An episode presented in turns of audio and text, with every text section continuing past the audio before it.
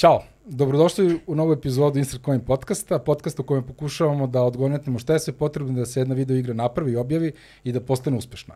Pratite nas na našem YouTube kanalu, na Instagramu, kao i na audio platformama poput Spotify-a, Stitchera ili platforme podcast.rs. Uh, takođe, ako želite da podržite podcast, to možete da uradite mesečnim donacima na Patreon platformi ili jednokratnim uplatama putem Paypala. Naravno, svi detalji nalaze se u opisu ove epizode.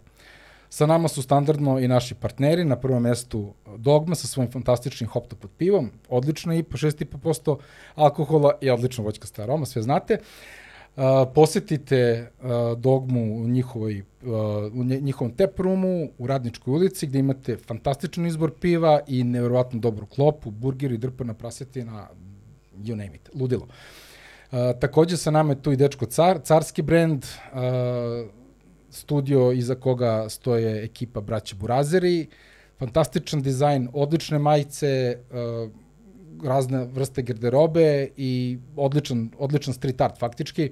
Uh, posetite ih u Gračaničkoj ulici i u novom lokalu u Baba Višnjoj ulici, a za sve ljude koji žele da ostvare 10% popusta kupovinom na njihovom web sajtu, to možete da uradite putem promo koda InsertCoin10 Naravno, ovaj, detalji se nalaze u opisu epizode.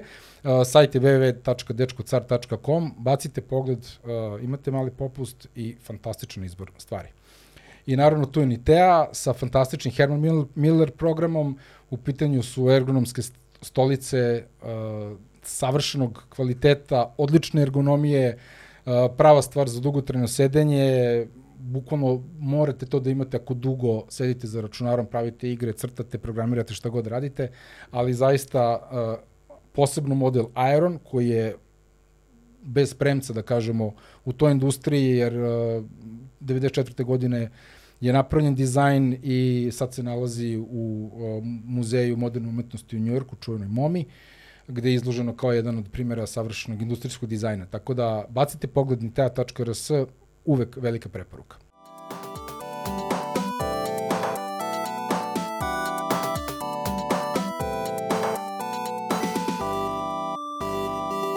Sa nama je danas uh, Kristina Janković Obućina, executive uh, manager uh, e, SGA, Serbian Gaming Association udruženja. To je nevladina organizacija koja se bavi propagiranjem game development industrije u Srbiji. Uh, a nešto više o tome može ona sama da vam kaže. Ćao.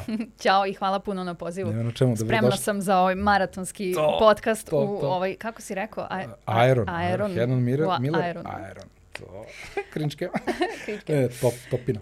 Eto, uh, da, zaista hvala na pozivu. Uh, gledala sam prethodne epizode i već polako se onako ustalilo ime ovaj, Insert Coin i baš sam se otuševila, ako se sećaš kad si tek počeo da, da radiš podcast, da smo baš jest, rado jest. ono, objavili svuda. Uh, znam da si vjerovatno zauzet, pa ne mogu malo češće da se črnautaju te epizode, to, to, to, to, to. ali, ali okej. Okay. Da, da. Uh, tako da se vratim da na tvoje uh, providno pitanje. Tako je SGA, Serbian Games Association ili na srpskom naš najduži naziv ikada, uh, Asocijacija industrije video igara Srbije. Nice. Tako smo u aperu. Uh, nice. NGO, kako si rekao, non-profit, apsolutno.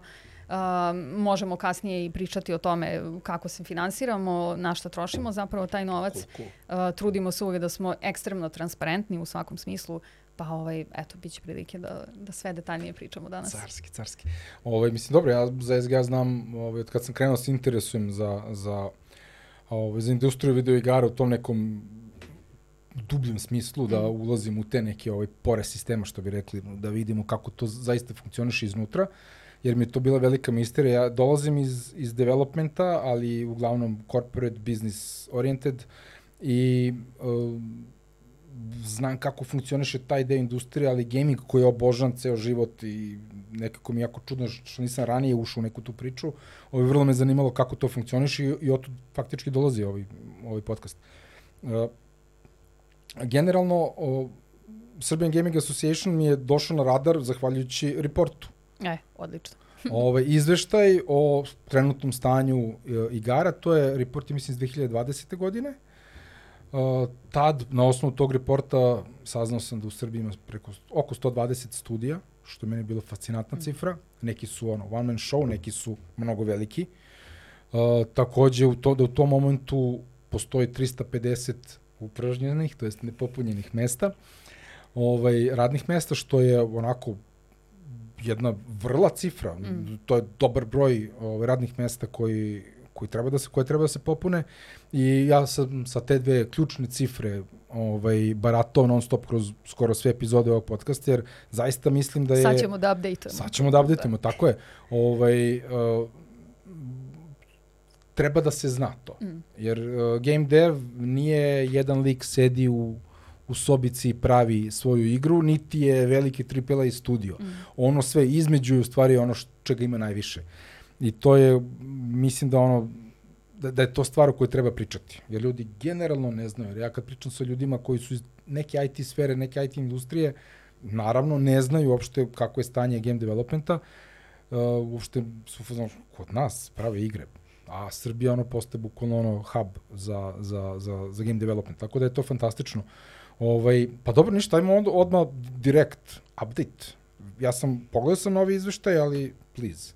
Update može. To. Uh, samo mali uvod u otkud izveštaj, šta je, čemu služi i tako dalje. To, može, može. Uh, kad je osnovan SGA u martu 2018. znači malo jače od četiri godine sada, jedna od prvih stvari koje smo shvatili da moramo da uradimo je neki izveštaj. Uh, šta god da nas neko pita, ne vredi da dajemo mi neke naše procene, uh, nego smo morali da imamo stvarno relevantno istraživanje na osnovu konkretnih nekih podataka i da onda bez obzira da li nas pitaju uh, mediji, uh, publisheri, investitori, ljudi koji hoće da pokrenu posao, ljudi koji traže posao, uh, kogod da nas pita da imamo zaista pravi i proverene informacije. Zašto? Pa smo tako sastavili vrlo detaljan upitnik, stvarno detaljan, i poslali ga svima koje smo do tada imali na radaru. To je bilo oko nekih 40 recimo kompanija i studija. Pa je to svake godine raslo. Tako da smo već te prve godine imali neki izveštaj i svake godine objavljujemo, sad smo već ušli u neki ritam da u aprilu izlaze te informacije. Što znači da smo aprila ove godine objavili report za 2021. a u aprilu sledeće godine za ovu godinu. Tako da možemo, ajde kroz neke, uh, što ih ja zovem staples of the report to, to, to. kao osnovne stvari. Uh, 130 kompanija, studija i timova. Uh, u njih računamo, ajde sad da kažemo šta računamo u kompanije, to su registrovane, ono, registrovani biznis entiteti koji imaju ajde 50 plus zaposlenih. Uh, studiji su takođe registrovani entiteti koji imaju između ajde 20 i 50 uh, koji možda nemaju još objavljen proizvod, ali većina ima. Naravno, tome, I uh, kad budem danas u toku podcasta govorila timovi, mislim na te koji se još nisu registrovali, kojih ima od jedne do deset osoba, 15 uh, koji rade nešto svoje prvo, tek sada su u potrazi za publisherom, ako jesu, ako nisu, rade sami. No. Ovaj, tako da to su neka tri entiteta s kojima operišemo i njih da sumiram ima oko 130 u Srbiji, što mislim da je fenomenalan broj. Uh, I sve više čujem za timove za koje ni ne znamo, tako da je taj broj verovatno veći. Ali ajde, idemo sa tim podatkom za koji no, da, smo sigurni. Dobro, to, to je sigurica što Absolutno, bi rekli da... da. e, u tih 130 entiteta uh, živi, boravi i radi nekih 2300 ljudi. Uh, što je onako oz, ozbiljna cifra. Jest. Uh, od te 2300, drago mi je da kažem da su 30% žene i devojke, nice. što nas zapravo svrstava u prvu državu u Evropi po toj statistici, officially, pošto takođe imamo podatke za evropsku industriju. Neki, ono, m, ovaj, median za Evropu je oko 18%, uh, u nekim državama čak i manje, mislim da je u Francuskoj oko 14%. Uh, tako da smo tu dosta ok, možemo i posle o tome pričati, ali svakako tu još ima da. posla, to je da, super, da. da. Um, što se tiče revenue-a, to je ono što nas uvek mediji pitaju i, i bukvalno su to poizlačili iz reporta. Nećete verovati koliko je bukvalno to nas prihodovala gaming industrija. Uh, 135 uh, miliona evra u 2021. Uh, šta još imamo od podataka? Recimo jedina statistika koja opada svake godine, što sad možemo diskutovati opet da li je do, pokazatelj dobrih trendova ili loših, je broj obe, objavljenih igara. Uh, bilo ih je mm. oko uh, 39, ako se ne varam. Uh, uh, dosta manje nego prošle i manje nego pretprošle godine. Kako još, um, koje su cifre bile prethodne uh, godine? Znam da je u prvom izveštaju bilo 80, tako da smo od 80 stigli do 40. Da. Uh, e sad, to može da znači jednu od dve stvari. Da se radi na kompleksnim projektima uh, za koje je potrebno više mhm. vremena. Mm -hmm pa onda kao nisu, nije dovoljno od jednog do drugog reporta da tako merimo. Tako je. Što je moguće, pošto m, znamo i koliko je igara trenutno u developmentu, nekih 50-ak, tako da mm. uh, tu ima nade da će to da se poveća. Dobro, neki game dev cycle je ono, tipa dve godine. Pa tako je. ne mogu kažem da je minimum, ali dve godine razuman rok da se jedna Jest. igra napravi. Jeste, jeste. Nadamo se da je to, a ne ovaj drugi razlog, a to je da ljudi jednostavno odustaju, ne mogu da dođu do financija, do publishera, šta je već u pitanju, ili stave u fioku pa će se vratiti nekad, što znamo da, da se redko dešava. Da, da, da. Ovaj, tako da, eto, to je ovaj, što se tiče toga. Mm, upražnjene, odnosno nepopunjene pozicije. Uh, ove godine ih ima 450. Uh, znači, 450 novih pozicija će biti otvoreno u gamingu. To je stvarno neverovatno. Da, to je skok od 100 otvorenih, da kažemo, radnih Tako mesta je. zvanično odnosno na prošlu godinu. Tako je. Uh, veliko je pitanje kako će se te pozicije popuniti. Sorry, izvinim, odnosno na prethodni izveštaj. Prethodni izveštaj, tako je. Uh, kako će se te pozicije popuniti, ne znamo. To je ogromno pitanje. To je problem broj jedan u svakoj industriji, u svakoj mm. kompaniji, u svakom studiju. Znači, nismo, nismo po tome ništa da, posebni. Kako je struktura? struktura pozicija, da li znate to? Tipa developeri, artisti, 3D? Znamo, znamo. Uh, pre dve godine smo, eto sad malo digresiramo od izveštaja, ali povezano Dobro, ja i časkamo. Naravno. Uh, jedna od stvari koje smo pokrenuli u SGA i znali da treba još od prvog dana je platforma sa poslovima. Tako da sada mm -hmm. na našem sajtu postoji SJ Jobs platforma, odnosno SGA poslovi, gde se nalaze sve trenutno otvorene pozicije u gamingu. Uh, I to nam je zapravo bio jednako važan uvid u situaciju u ekosistemu koliko i sam izveštaj. Uh, A, recimo kad smo je pokrenuli pre dve godine, u svakom trenutku je bilo oko 80 pozicija. Sada u svakom, svaki dan ima 130 aktivnih pozicija. I tu vidimo tačno, može svako da vidi kad ode na sajt, da uh, pretraži po, po rubrikama, po, odnosno sferama. Um, dev i art su ubedljivo da. ono najbrojnije um, i zanimljivo je da se sve više pojavljuje pozicija koje ranije uopšte nisu postojale, tipa mm -hmm. employer branding specialist. Uh, Uh, takođe po reportu znamo... Kako se, em, employee branding? Em, employer branding specialist, Aha, tako branding, je za velike da, kompanije. Okay, okay. Um, takođe znamo, uh, zahvaljujući izveštaju, koje su pozicije koje je najteže popuniti, a koje su tražene, nema ih toliko brojčano, ali ih je jako teško popuniti, a ključne su, a to su game design, produkcija mm. i stručnjaci za monetizaciju. Mm -hmm. Da. Ima smisla. Ima. Uh, tako da i te pozicije su ranije bile art i dev, tako da vidimo da nekako sazreva ekosistem i čim imaš taj nivo ekspertiza koje se traže, znači da je ekosistem mnogo... Da, usložnjava se tako struktura je. zaposlenih. Da, tako je, tako da, je. Tako da, eto, definitivno najbrojnije su art i dev role, a ove je najteže popuniti. Mm. Kad kažem art i dev, mislim zaista na sve. 3D art, 2D art, koncept art, ilustracije, animacija, tech art, naravno. Da, tech art, da. Da, te karte je onako vrlo, vrlo specifična jest, rola. Jeste, i zanimljiva, baš kako, izuzetno da, zanimljiva. Da, da.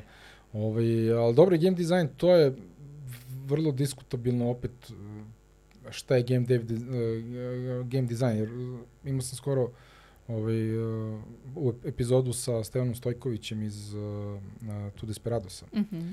I on je game designer tamo. I baš smo pričali o ulozi šta je game designer. I to onako, uh, On je to jako lepo, uh, jako lepo je objasnio njegovu ulogu mm. u Tu Desperadosu, na koji način on doprinosi timu, koja je to ovaj, ekspertiza koju on donosi, ali opet uh, to je u tom njihovom, da kažem, ekosistemu, ali rola generalno, ono što sam ja gledao po oglasima i ostalo, vrlo je šareno i prilično onako nebilus, nedefinisana je uh, rola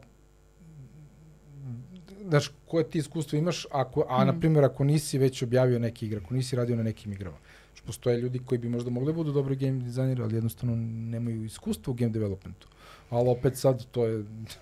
Apsolutno, znaš, kako zaposliti ali, nekoga... Ne, ne, naravno, da. ali mo, mogu da se prijave. Ja stvarno kad god pričam sa nekim, uvek ohrabrujem da se prijave. Znači, to što piše u raspisu role zanemari, uh, Uh, niko ne može da očekuje od tebe da u Srbiji imaš iskustvo u, u game devu. Nebitno, ne pričamo koja samo o game dizajnu, da. koje god daje. Uh, zaista ne možemo. U industriji koja postoji, ajde da kažemo, 10 godina. Mm. To je stvarno nemoguće. I za razliku od svih drugih uh, industrija, mislim da u gamingu nema ta kvaka 22. Uh, neophodno iskustvo minimum dve godine, a kako da nađeš iskustvo ako neće niko da te zaposli. To u gamingu se ove da. rajduje vrlo lako. Uh, za početak portfolijom, odnosno najvažnije demonstrirati u prijavi ili na intervju tvoj lični uh, incentiv da se time baviš. Da, da, da. I šta si ti sam uradio ili uradila da se pripremiš za tu rolu uh, i možeš da imaš portfolio bukvalno za bilo šta. I za narativ, i za sound, uh, i za level design, uh, bukvalno za sve. Sada toliko ima alata online i yes. resursa gde možeš da ono, okačiš svoje, svoje stvari. Ili da recimo za game design dekonstruktuješ uh, neku igru. Da, da, da. I, I to je dovoljno. To je da, to je, to je, to je, to je baš pričao o tome. Mm, ovaj, to mi se, ja, ja se bavim dekonstrukcijom filmova, ali mm. nikad nisam radio dekonstrukciju igru. Stvari jesam, ali nisam znao da, da to radim. sam radio, pisao sam neke ovaj, uh, revieweve za mm -hmm. igre i to su onako dugački traktati, nije ono kao je kao super igra i to je to, nego mm. šta je dobro u igri, zbog čega je bolje od prethodne igre, od konkurencije i tako dalje. Tako da ovaj, to je jako interesantan pristup mm ovaj, game industrija, ne znam kako da to nazovem, ali ta analiza, to volim, te, te stvari. Tako da to mi baš sam bio fazonu, eto, to je nova, nova stvar koju sam učio, a koji bi možda neko ko baš nema tih, što kažem, dve godine, što si rekla, mm -hmm. dve godine iskustva, to je odlična fora da neko ko ima želju, ima entuzijazam, može da napravi dekonstrukciju i da to pokaže kao rad. To je, Odlično, pogotovo to je za mlade ljude jako samo, dobro. Naravno, da naravno. Da pokažu taj analitički pristup igri mm -hmm. ako ga imaju. Ne samo dekonstrukciju, nego naravno i, i tvoj lični predlog šta bi moglo bolje. Tako je, tako je, tako je. Da, da. To je to ti je zagarantovan intervju, a da, da, da. odatle je na tebi. Lagano, da, da, da. da. Super, super. Ja, dobre to informacije zato što eto, to mlade ljudi koji, jer ti da bi došao do tačke da ti konstruišeš igru, ti moraš da budeš onako pasioniran ka mm toj igri, mm -hmm. da je mhm. razumeš, da znaš šta je bilo pre, šta postoji još paralelno sa tim mm -hmm. i da bukvalno pros and cons daš i eventualno što kažeš neke rešenja. Tako da Pa da, pogotovo paralelne analize u, u okviru istog žanra. Mm. Šta je recimo ova igra uradila dobro, a ova druga nije i da, takve da, stvari. Ili naravno ako hoćeš da budeš jako bold, uh, igru kompanije za koju se prijavljuješ. Da. Why not? Ta, tako je. Sad mi je palo na pamet. Da, da, to je, to je legit potpuno. Mm. Ovo, ovaj, super, mislim da, jako, jako dobar, do, do, dobra ideja i informacija, mm. odlično.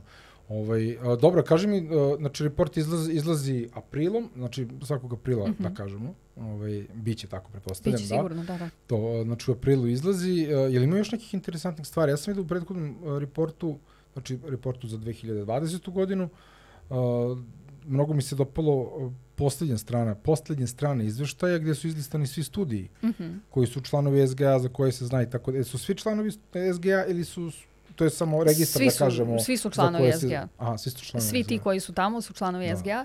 Znači prvo imamo, ajde da uradimo jedan breakdown reporta Može, uh, to, to, koga to. zanima šta se sve tamo nalazi. Uh, prvo imamo taj data deo uh, koji je onako po nekim segmentima podeljen. Talenti, revenue, games, tako da baš je onako deep dive u svaku od tih stvari. Uh, onda imamo nazovimo ga portfolio deo sa prikazom svih naših članova. Uh, Uh, šta oni rade, odakle su, kad su osnovani, na kojim projektima trenutno rade i imaju neke korisne ikonice pored da oni lako iskomuniciraju da li su recimo open for investments, looking for publishers, tako da je to super za ove manje timove, jer uh, izveštaj upravo to mi služi. Nismo mi izmislili pojam game dev o, industrije izveštaja, nego svaka uh, država u Evropi ima gaming asocijaciju i svaka od tih asocijacija izdaje te godišnje reportove. Nice. A, ne pravovremeno kao mi. Mislim, naš je bio prvi koji je izašao za 2021. Stvarno? To smo baš ponosni. Jeste, jeste. Ovaj, dosta nešto kasne. Mislim, ogroman je to posao, jasno mi je zašto da, kasne. Dobro, da, jasno. Ovaj, tako da je to odličan način da oni komuniciraju s polja uh, zainteresovanim stranama. Onda posle tog portfolio dela uh, imamo expert articles, uvek imamo gostujuće članke na neke specifične teme stručnjaka iz uh, domaće gaming industrije. Uh, obično ponudimo opciju da timovi sami izaberu šta je ono gde oni misle da je njihova ekspertiza ispred drugih. Uh, tako da ima tu uvek nekih, recimo, ajde, tuce uh, zanimljivih da, da, da. Uh, reporta. Baš ih je bilo 12, mislim, ove godine. To, to, to. I uh, posle tih uh, ekspert artikla imamo još neke članke o ekosistemu, kada ima nešto zanimljivo što se dešava te godine. Uh, ove godine smo, na primjer, dali prostor FDU da piše o svom novom uh, programu, pošto na jesen kreće uh, drugi zvanični, tek drugi zvanični četvorogodišnji studijski program uh, u vezi sa gamingom. Mm. Uh, VF, VFX art i game, art, uh, game art i animacija. To je FDU. Na FDU, evo upravo je završen, uh, završen konkurs. Čuli smo da su imali ogromno interesovanje, ne čudi me uopšte. Naravno. Uh, I da je baš bila jaka konkurencija i sad su primili, tako da prva generacija kreće na jesen. To je baš strava. Da. Kad smo se već dotakli, sigurno će se pitati ljudi uh, koji je taj drugi, je taj pošto drugi, da, sam to je taj rekla, prvi tako stvari, je, to da. je prvi. Uh, prvi je game design na Akademiji u Novom Sadu. Mislim da je Da, znam upisana to, da. četvrta generacija sada, ako se ne varam. Tako da to je jedino što postoji od formalnog obrazovanja, ako si hteo da pitaš. Jesam, jesam. E. Što to je, to je jedna od osnovnih tema ovog podcasta, Mm. šta ljudi da rade koji su na prekretnici gde bi- biraju ovaj, čime će se bavi u životu. Mm. Jer a, do skoro nije postala nikakvo formalno obrazovanje. Ideš na likovnu, ako hoćeš na likovnu akademiju na primenjenu umetnost u stvari, Mhm. ako hoćeš se baviš nekom ilustracijom, dizajnom i tako, a ideš na e, ETF ili Mm. PMF ako je programiranje.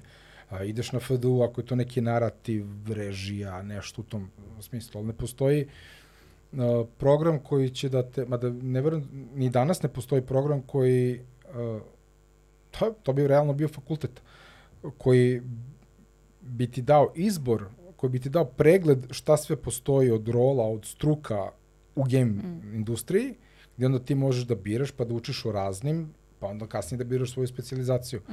Jer to bi bilo ovaj, ja baštam o tome kad bismo to napravili kao... Pa da, ali postalo, nije, mislim, ajde sad je to ono, izjava mač sa dve oštrice. Nismo mi toliko nazadni tu, mislim, apsolutno jesmo na- Da, da. nazadni što se tiče obrazovanja, ali što, to što si ti spomenuo ne postoji nigde. Tako da, Da. i u drugim industrijama gde imaš Mm. mnogo više zvaničnih državnih gaming programa i dalje nemaš to. I u suštini je veliki problem 18-godišnjacima da sad odjednom odluče kako, mislim, to je Da. sad filozofsko pitanje. Da, Ali dobro, da li si sposoban da odlučiš sa 18 šta ćeš da radiš dalje. tako je, tako je. Uh, tako da je na, na nama iz industrije da se trudimo da nekako uh, se obratimo tim mladima i reach outujemo ka njima i nađemo neke kanale gde su oni. Samo da znaju. Evo recimo ja prva da sam znala sa 18 da mogu da radim u gamingu jednog dana, ne, hej, Hej. Cringe cam. Da, bukvalno Ne znam, mislim, ovaj, ono, da. znaš, ne mogu da zamislim gde bih danas bila. Mm. Iako je super ovo gde sam sada, naravno. Da, da, da, naravno, ali naravno, to je super, ne, ali... spletom neverovatnih srećnih Da, okolnosti. da, da. Um, radili smo recimo, eto sad opet digresija i nije baš, um, radili smo SJ Empowers, uh, celodnevni dan posvećen m, devojkama i ženama u A, to sam industriji. vidio, da. Uh, tri događaja su bila u okviru tog dana. Prvi je bio uh, radionica za srednjoškolke kako pravimo igre. Uh, morala sam da zatvorim formu za prijave, jer nismo više mogli da... Da, da primite, nismo da, nema mogli- smisla, da. Nema smisla, a treba pregledati sve te prijave, a imali smo samo 20 mesta. Mm. Tako da sam zatvorila formu u trenutku kad je stiglo 50 prijava za 20 mesta. I onda sam čitala tih 50 prijava i to je, mislim, fenomenalno. Uh, evo neki highlight, recimo, uh, uh, nisam mogla da ubedim roditelje da me puste da bilo šta učim u vezi sa gamingom i onda sam im pokazala ovu radionicu i pustili su me da se da, prijavim. Da, da, da, da, da, da, da, da, da, to je, Oj, to je Tako to. da predivno. I tih, ono, tri sata sa tih 20 devojaka je stvarno bilo predivno, predivno. Podeljene su timove, radile su na konceptima za igre. Uh, doveli smo tri mentorke za game design, um, narativ i dev. Uh, sve tri su držale neke prezentacije da prvo kažu ono šta rade, kako izgleda njihov radni dan, da odgovore na neka pitanja koje ima i onda smo ih podelili u timove i ti koncepti koje su one imale na kraju su fenomenalni. Stvarno smo ih, moram da priznam, pocenili. Nisam očekivala da... Nisam očekivao, da, da, Prvo da. da će uspeti uh, toliko dobar time management da imaju da svak, svaki deo tima završi svoj posao u, u tom zadatom roku i da prezentuju gotove koncepte za sat i po vremena. Neverovatno. Genijalno. A, mislim, jedna od igara je Titankamon, na Tito u, u piramidi, Titankamon, i uh, uh, Draža Indiana Jones koji ide kroz piramidu. I, I imaš nekoliko endinga koje možeš da biraš. Jedan od njih je gde se oni ljube na kraju. Eto, mislim, znaš kao, Da, da. Kreativno voices. do kraja, da, da, da. kreativno do kraja. I Tako je, ništa, tako one je. su to isprezentovale, umirali smo od smeha. Tako da je ovaj, baš, Pazi baš bilo dobro. pazi ti taj program da ti kao neki srednjoškolac koji ne zna ništa, ali zna da zna samo jedno, Mm. da shvati da je to možda u stvari poziv budući. Pa da. Jer ja sam kuklinac gledao filmove, nisu filmovi bili sve. Uh, ali nekako na to se gledalo kao gubljenje vremena, što, znaš, ja gledam film 30 puta. Znači, Isti. nešto, isti. Znam, sećam se mržnja Aha. od Matiju Kasovica. A, da. Uf, Ja treba bukvalno- to gledati Ja više sam gledao puta. mesec dana, svaki dan, bio letnji raspust, mesec dana, svaki dan. Bukvalno ujutru ustanem i pogledam film. I ovaj, onda sam naš tražio, jer on je, ja sam bio, ja, klinac sam u to vreme i onda ja nemam uh, filmsko obrazovanje starih filmova, a on je onako bez practice, m, on je odrastao na, na tim filmovima i onda je sve što je naučio od starih filmmakera gledajući njihove filmove primenio u svom filmu. Ali za mene to sve sam vidio neki gomilu nekih stvari prvi put. Mm. I ja sam bio onako, wow, šta je ovo čoveče. Da sam kažete, bukvalno, tih mesec dana sam gledao ja, jednom dnevno, ali sam gledao taj film, ja ne, Mm. sigurno preko sto puta. Ali u suštini u tome što je to prepoznato od strane mojih roditelja da ja blejim i gubim vreme. Ovaj, što je možda tako, ali možda su mogli da kažu, e, ali tebe zanima film, šta ti znaš o tome? Jel te, obožavao sam diskusiju o filmovima. Mm. Ali to, hoću da kažem, ovaj, digresija ide u smeru ka tome da roditelji često ne, ne daju šansu nekim željama Mm. svoje dece. A, da je možda u nekoj stvari koja deluje najkretenskije, u stvari možda tu žar tog deteta, jer zašto ono provodi toliko vremena radeći to? Ne, ne, apsolutno. A e, iz nekog razloga su igre uh, sva, stigmu svakodnevna kultura uh, života tvog deteta u koju se roditelji najmanje investiraju. Zato što iz nekog razloga misle da im je to, da ne mogu to da kompjutuju. Mm. Uh, možemo da pričamo o muzici koju slušaš, o filmovima koje gledaš, o mestima na koje izlaziš, ali iz nekog razloga ne možemo da pričamo o igrama. Da. Uh, tako da tu, mislim, tu sad ima dosta posla, ali treba sesti pored deteta, a šta, a šta vi to igrate? Da, da, da. Ko su ti? Jesu to drugi ljudi? Jesu to je, dobro, ne znam, rodite možda šta je jaj. Ali kao, jel igraš s drugom decom? Jel se vi čujete preko, preko slušalice? Da, da, da. O čemu se radi? O čemu Jel- se radi? Zaista bi Jel roditelji, mogu ja da posebno probam? mlađe dece, trebali da znaju. Ja, moj sin je krenuo da igra onaj Brawl Stars. Mhm. O, pf, ja sam bio fazonu, ne, te, šta je ta igra, kao to nešto. Mislim, onako, sve onako kartunima, bio sam fazonu, kao to je tako beneath me, koja sam PC Sledeća gamer. scena. E. On se ja instalirao, ja sam, su mu bacili u klan, Mm. a, gde opet su drugi neki roditelji, dru, druge djece koji to igraju. I navukao sam se. Igrao sam Brawl Stars prilično onako religiozno. Mm. Jer odlična mehanika, odlična igra, sve pet. Mm. Pogotovo kad uzmemo u obzir da roditelji sada mnogo više i sami igraju nego ranije, Mm. jer većina mama bez bilo kakve predrasude, Da, da, da. ovo kažem, uh, igra Candy Crush, znači nije ti gaming stran i ta želja za ono da uzmeš nešto da, Tako da je, tako tako Taj poriv ti nije potpuno stran kao nekad, recimo. Mm. Tako da vidjet ćemo Da, ja sam krenuo da igram Stars da bi šta moje dete igra, da vidim, Pa da. jer to je bila jedna od prvih igara, ako ne i prva igra koju se on posvetio. Mm. Rekao, jo, šta ovo, brate. E, I mene, mene plaše mikrotransakcije, taj gambling moment. Mhm. Ovaj, onda sam ga odmah naučio, Pa imaš džemove, nemoj da ih koristiš. Uh, ne, ne, nije, nije problem da će onda da kupi nešto ili to, nego uh, sam taj sistem nagrađivanja koji Mhm. je implementiran u tim koji se implementira u igrama tog tipa Mm. je onako baziran je na nekoj nagradi, znaš, onda kao moram tata pokupim nagrade. A zašto si dobio nagrade? Šta si radio da budeš nagrađen? Nisi igrao igru. Mislim, znaš, i onda Mm. samo negde objašnjavao da mm, vodi računa Koliko da je to godina? sve. Pa sad ima devet, ali on je sa, sa osam godina, 7-8 godina krenuo to da igra, tako nešto. Mm. Ovaj, evo, super je, sve je okej, on sad igra neke druge igre i tako dalje, uh, ali uh, bitno je da se roditelji uključe, da shvate šta deca igraju. Dobro, ja sam gamer, pa meni to nije teško, Mhm. ali opet moja čarka igra šminkeraj, kako mi to zovemo, razne igre za šminkanje i to.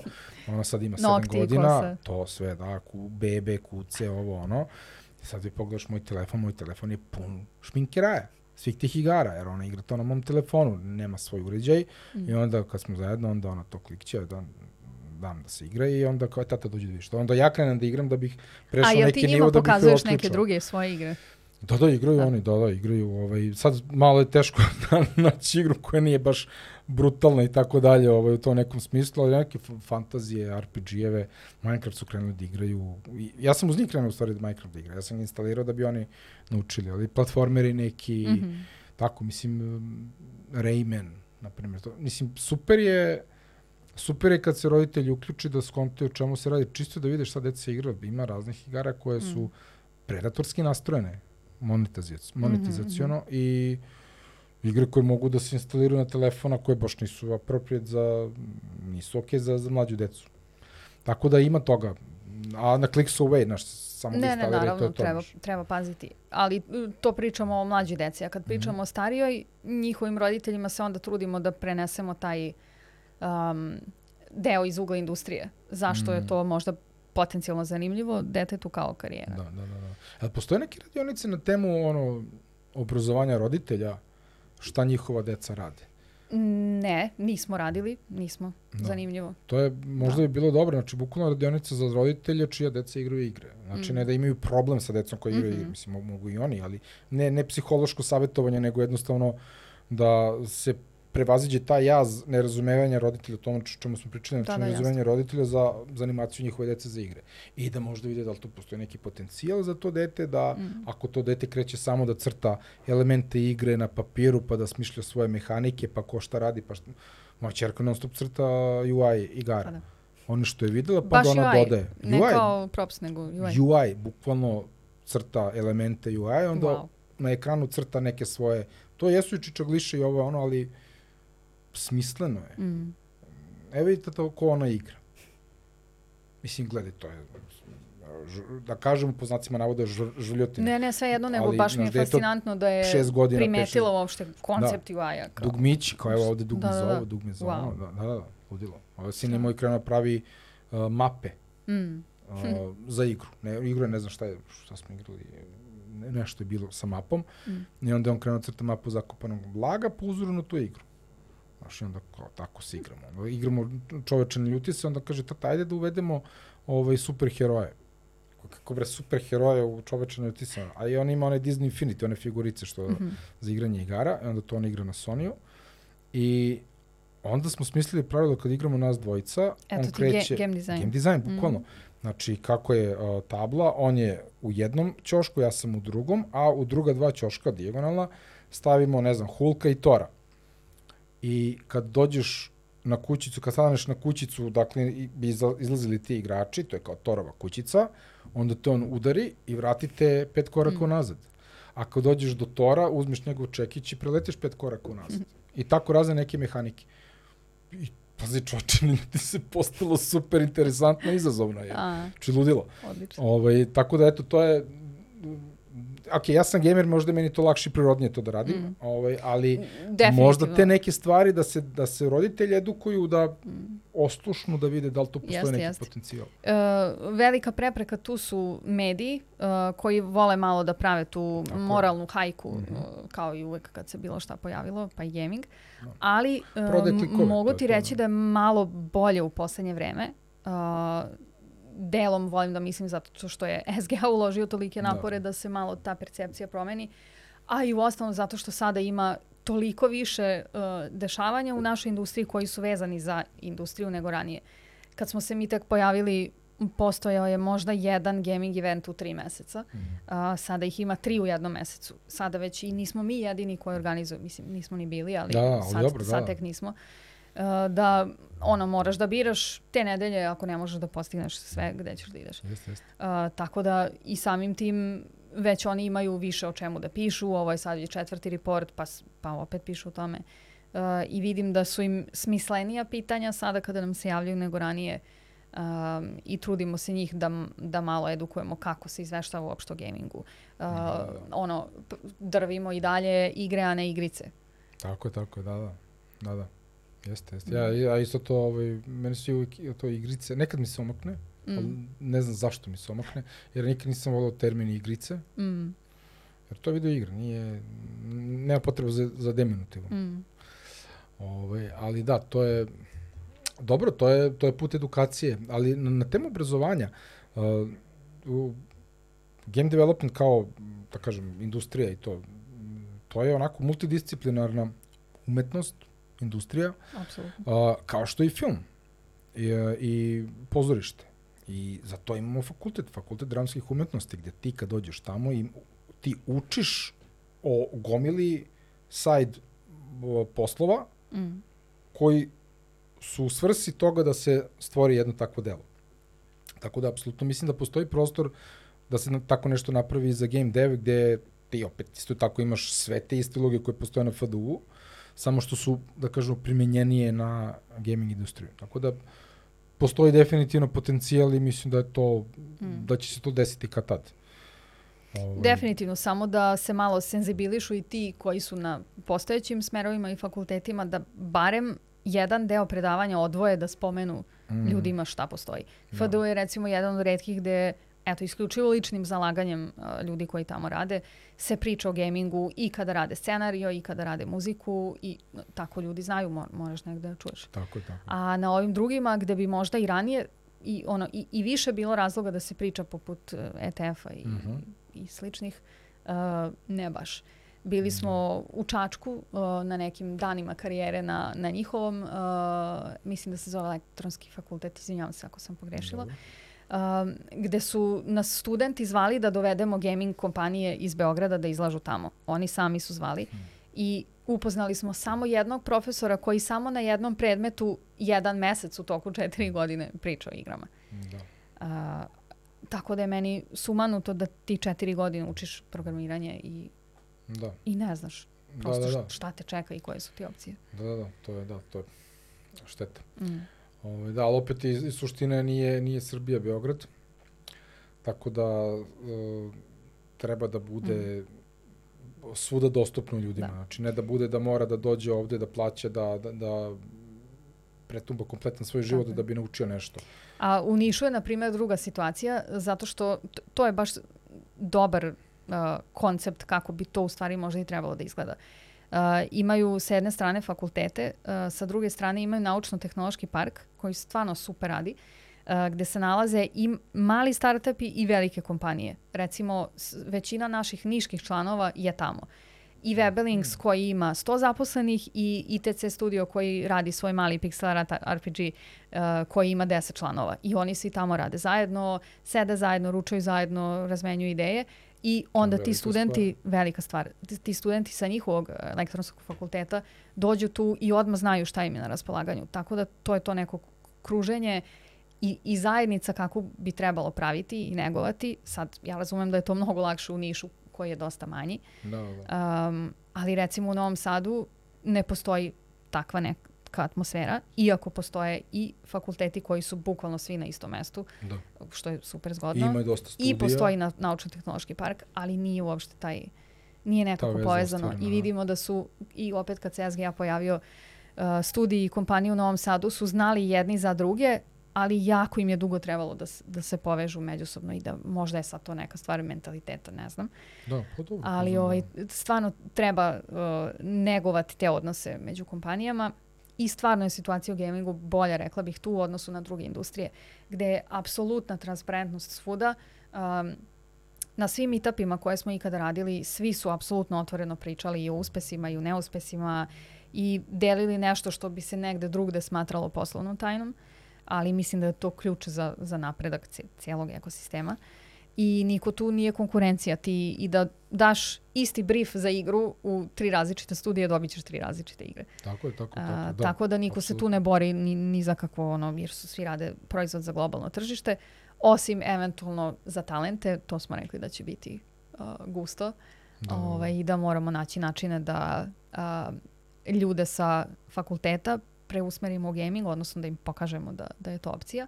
I druga stvar je da ljude iz drugih uh, industrija uh, opet zainteresujemo za gaming. Uh, to je dosta zanimljivo jer dobijaš polugotovu osobu koja već ima soft skills, koja zna da radi u timu, koja zna procese rada uh, i vrlo lako će da nauči da radi za neku drugu i to još kreativniju vrstu proizvoda.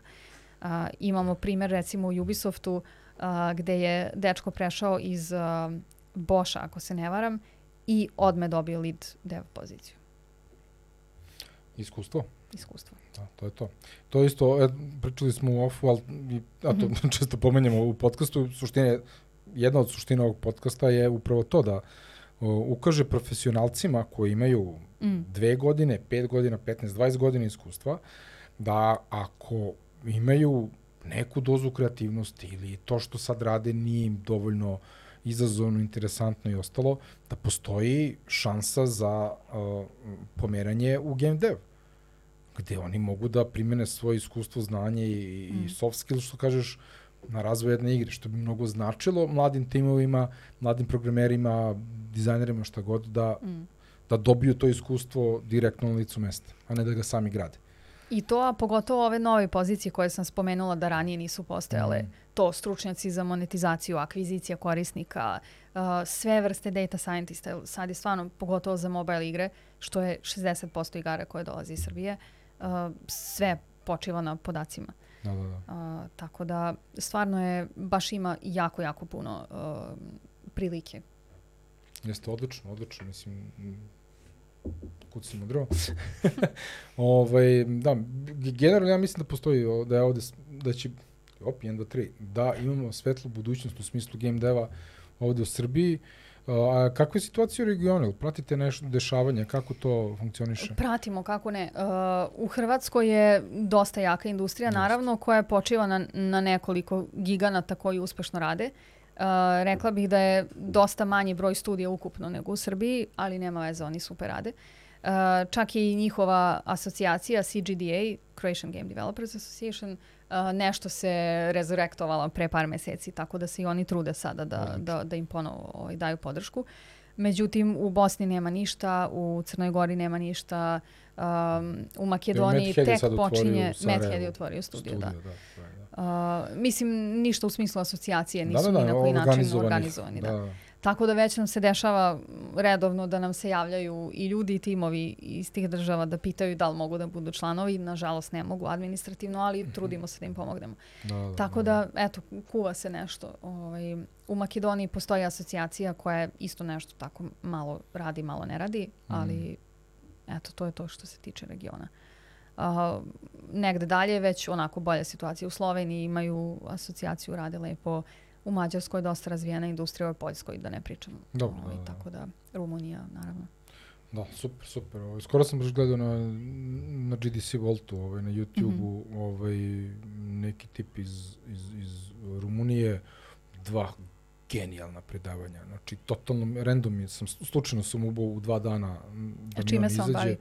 E, ja ne mogu sad da se setim. Uh, game dev, o, mislim, mm -hmm. prave igru, imaju svoj studio i uh, prave igru i uh, pričao je o, pričao je, šta je bila tema, sve šta mi moze, pošto pogledao sam posljednjih, ne znam, tri nedelje, ja mislim preko 100 i mm. nešto tih što gledam sve ono tipa 1 i po 2 Odličan je puta brže. Da. Ne, ne, ludilo, ludilo, znači ko je ono To je baš znanje, rabbit hole. Da. Bukvalno možda biraš o čemu ćeš da slušaš. Ovo njegova predavanja su bila uh,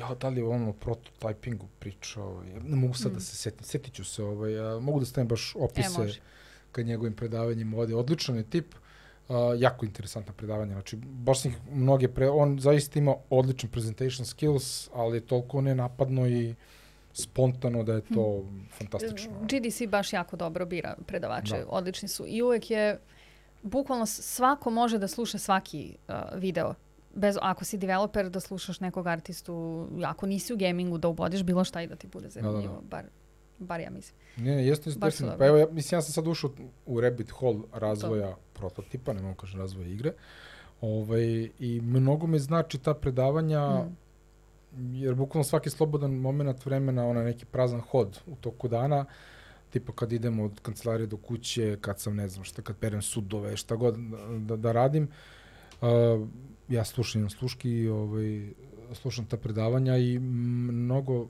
ne možeš ti da zapamtiš sve iz tog predavanja, ali ti da, da ti neke informaciju o, o pojmovima, o stvarima o kojima se priča.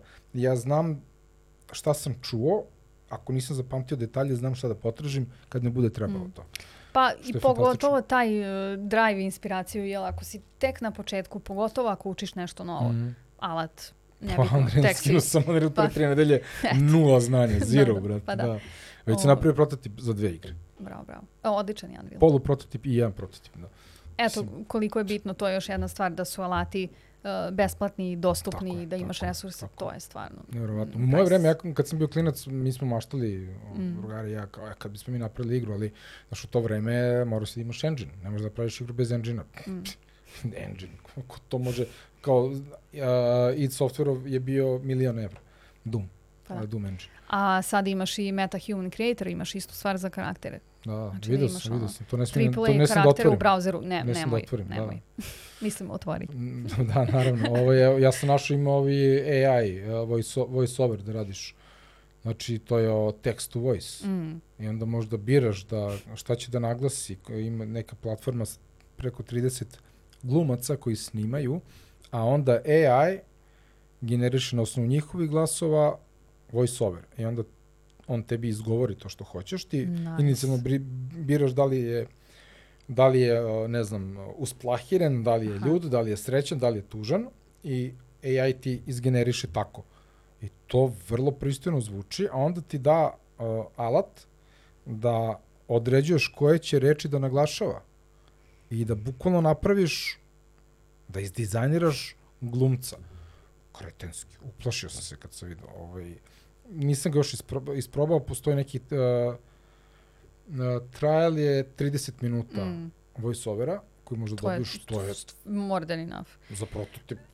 Da, da, tri to sam sad htjela kažem, ne mora to ni da ti bude sve u finalnom proizvodu, nego da sastaviš uh, neki playable demo, A Pitch deck, feel da dobiješ tražiš investitore, to, da, to. da, samo preneseš ideju. Da, da. Da, da. odlično. Jer ja sad tražim besplatne alate koji, mm. koji mogu da mi pomognu u tim nekim stvarima. Ovaj, sad da, danas mi je ovaj kum pokazao DAZ studio, DAZ designer, kako se zove. To je isto neki 3D alat.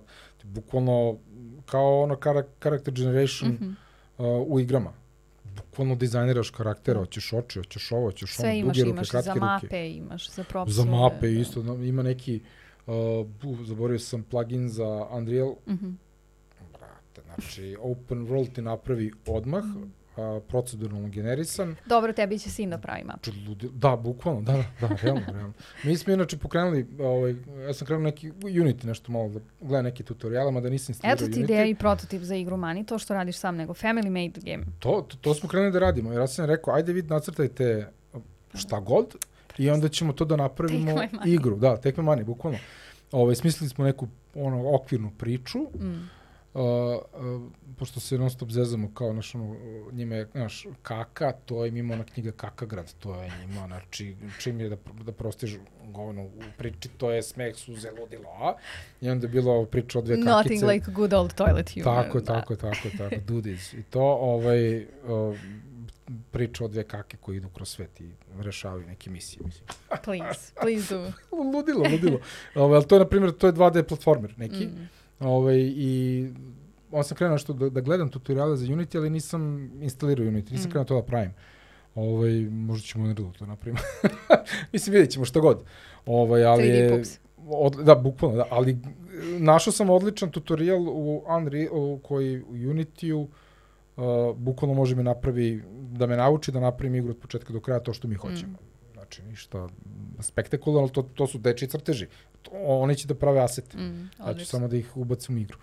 Ali Mislim, eto jo, još jedan, ne znam ni kako to da nazovem, pr problem začkoljica za koji smo čuli od um, kompanija koje traže Unity developere, uh, pa onda reach out to univerzitetima i pričaju sa studentima uh, i oni im kažu pa kao ne zanima me Unity, to nije pravo programiranje, Uh, šta ja ovde učim kao četiri godine učim programiranje na fakultetu da kao pomeram nodove i tako. Mm. Znači, ja ne znam sad onda koji je to pristup profesora kad izbaciš 2022. godine studenta koji ima 21 godinu koji tako nešto kaže. Mm. To je baš, baš ono Pa da, problematično. ne, gledaj, mislim, uh, Unity, Unreal, ja ne znam ništa o programiranju, da kažem, zaista. Ovaj, I ja ne moram da znam programiranje da bih napravio prototip.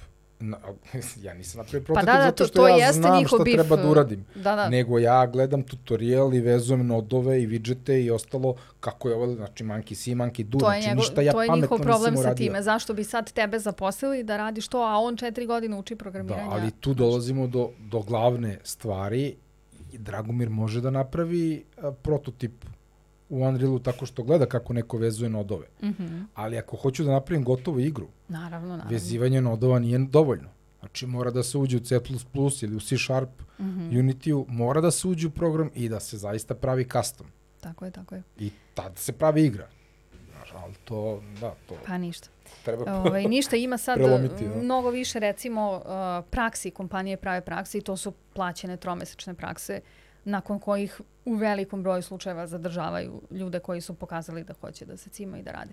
Tako da i tu ima više prilike da ovaj, vidiš sada na licu mesta kako je. Postoje mm. posete studijima um, i zaista opet za razliku od, ja bih rekla, drugih industrija, imaš svuda na sajtu onaj kao op, open call, open position. Mm -hmm. Ako nije navedena pozicija ili to čime se baviš, javi nam se pa ćemo da vidimo.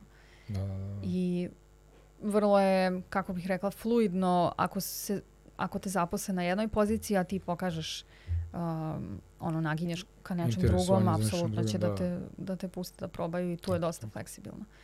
Tako da često čujemo od ljudi, nažalost, da su gledali sve pozicije i ne smeju da se prijave. Znači, to me ubije. Mm. Uh, ja sam se prijavio pre 3-4 godine mm. u Riot, Activision. Da, pucaš na visoko. Pogledaj, što da ne? Naravno, pa što to da sad ne? i pričam. Da, da. Jer je bio bravo, bravo. product manager mm. za igru. Ja, ja sam aplicirao sam. Mm. Uh, za Blizzard na kraju nisam poslao prijavu, jer nije bilo okej da pošaljem prijavu, jer mm. baš ne bih se snašao u toj roli koju su oni opisali tu, ali ovde je product manager za igru, mislim, gledaj, pitanje da bi se snašao ovim rolama u Activisionu i u, i u Riotu. Mm. Ali, mislio sam da bih možda mogu da se snađem u tome. Mm.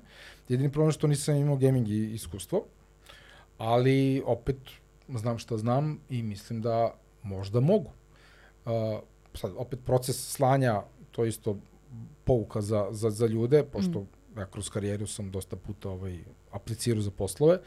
Uh, ne možeš da samo pošalješ svoj CV, atečuješ i pošalješ ga. Znači, taj CV mora da se prilagodi kompaniji kojoj... Naravno. Jer ti kroz karijeru radiš razne stvari. I ne zanima ih sve što si radio. I ne zanima sve što si ti da. radio. Znači, iskroj taj CV prema njima. I sad, mm. znači, jedna prijava, to je posao od nekih 5, 6, 7, 8 sati mora, mora da rada da vidi šta oni rade, šta im treba, šta ta pozicija zahteva, mm. da prilagodiš taj CV, da pošalješ, pa da napišeš cover letter. Pa se onda ljudi čude što sada uh, nude developerima da im plate za kao proces intervjuisanja mm. i prijave i svega. Pa naravno kad ćeš odvojiti radne dane ne, radni dan za to. ili jače, zavisi. Jače, jače još ako uđeš u krugove, naravno. Da, jer ti moraš da istražiš tu kompaniju, nije samo to pisanje mm. svog CV-a. Pa evo sad smo na meetupu imali uh, dečka koji je inače iz Srbije, a radio je u Roviju uh, i Huge Gamesu, sad radi u Supercellu. Ja, jeste, da, bio, bio, e, bio, bio na, pa, na panelu, da, da. Uh, tako 13 krugova intervjua. Da, 13. jeste, sećam se da rekao. Da, da. da, to je ozbiljno. Ali mi je fascinantno bilo da tih 13, on je rekao što je rekao 3 nedelje da je, da je trajalo. Da, to je meni brzo. Ono, mm wow, to, to je ludilo, ludilo. Jeste. Uh, eto, još jedna prednost recimo koju ljudi sad imaju ovde u Srbiji, a nisu imali ranije, je uh, Discord grupa, SGA Discord SGA, grupa koju smo napravili. Ja, tamo sam član. Uh, eh, bravo. Odavno, da. bravo. Uh, tu sad ima već 1400 članova, mm. znači ne gamera, nego ljudi koji su baš iz industrije. Uh, razni kanali su se iskristalisali umeđu vremenu za Dev za Art. Art zajednica je na, najaktivnija iz nekog razloga, što je super.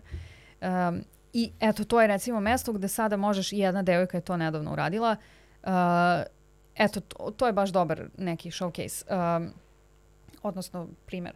Um, radi u marketingu i uh, kao dizajnerka i sada hoće da pređe u gaming, konkretno zanima UI UX.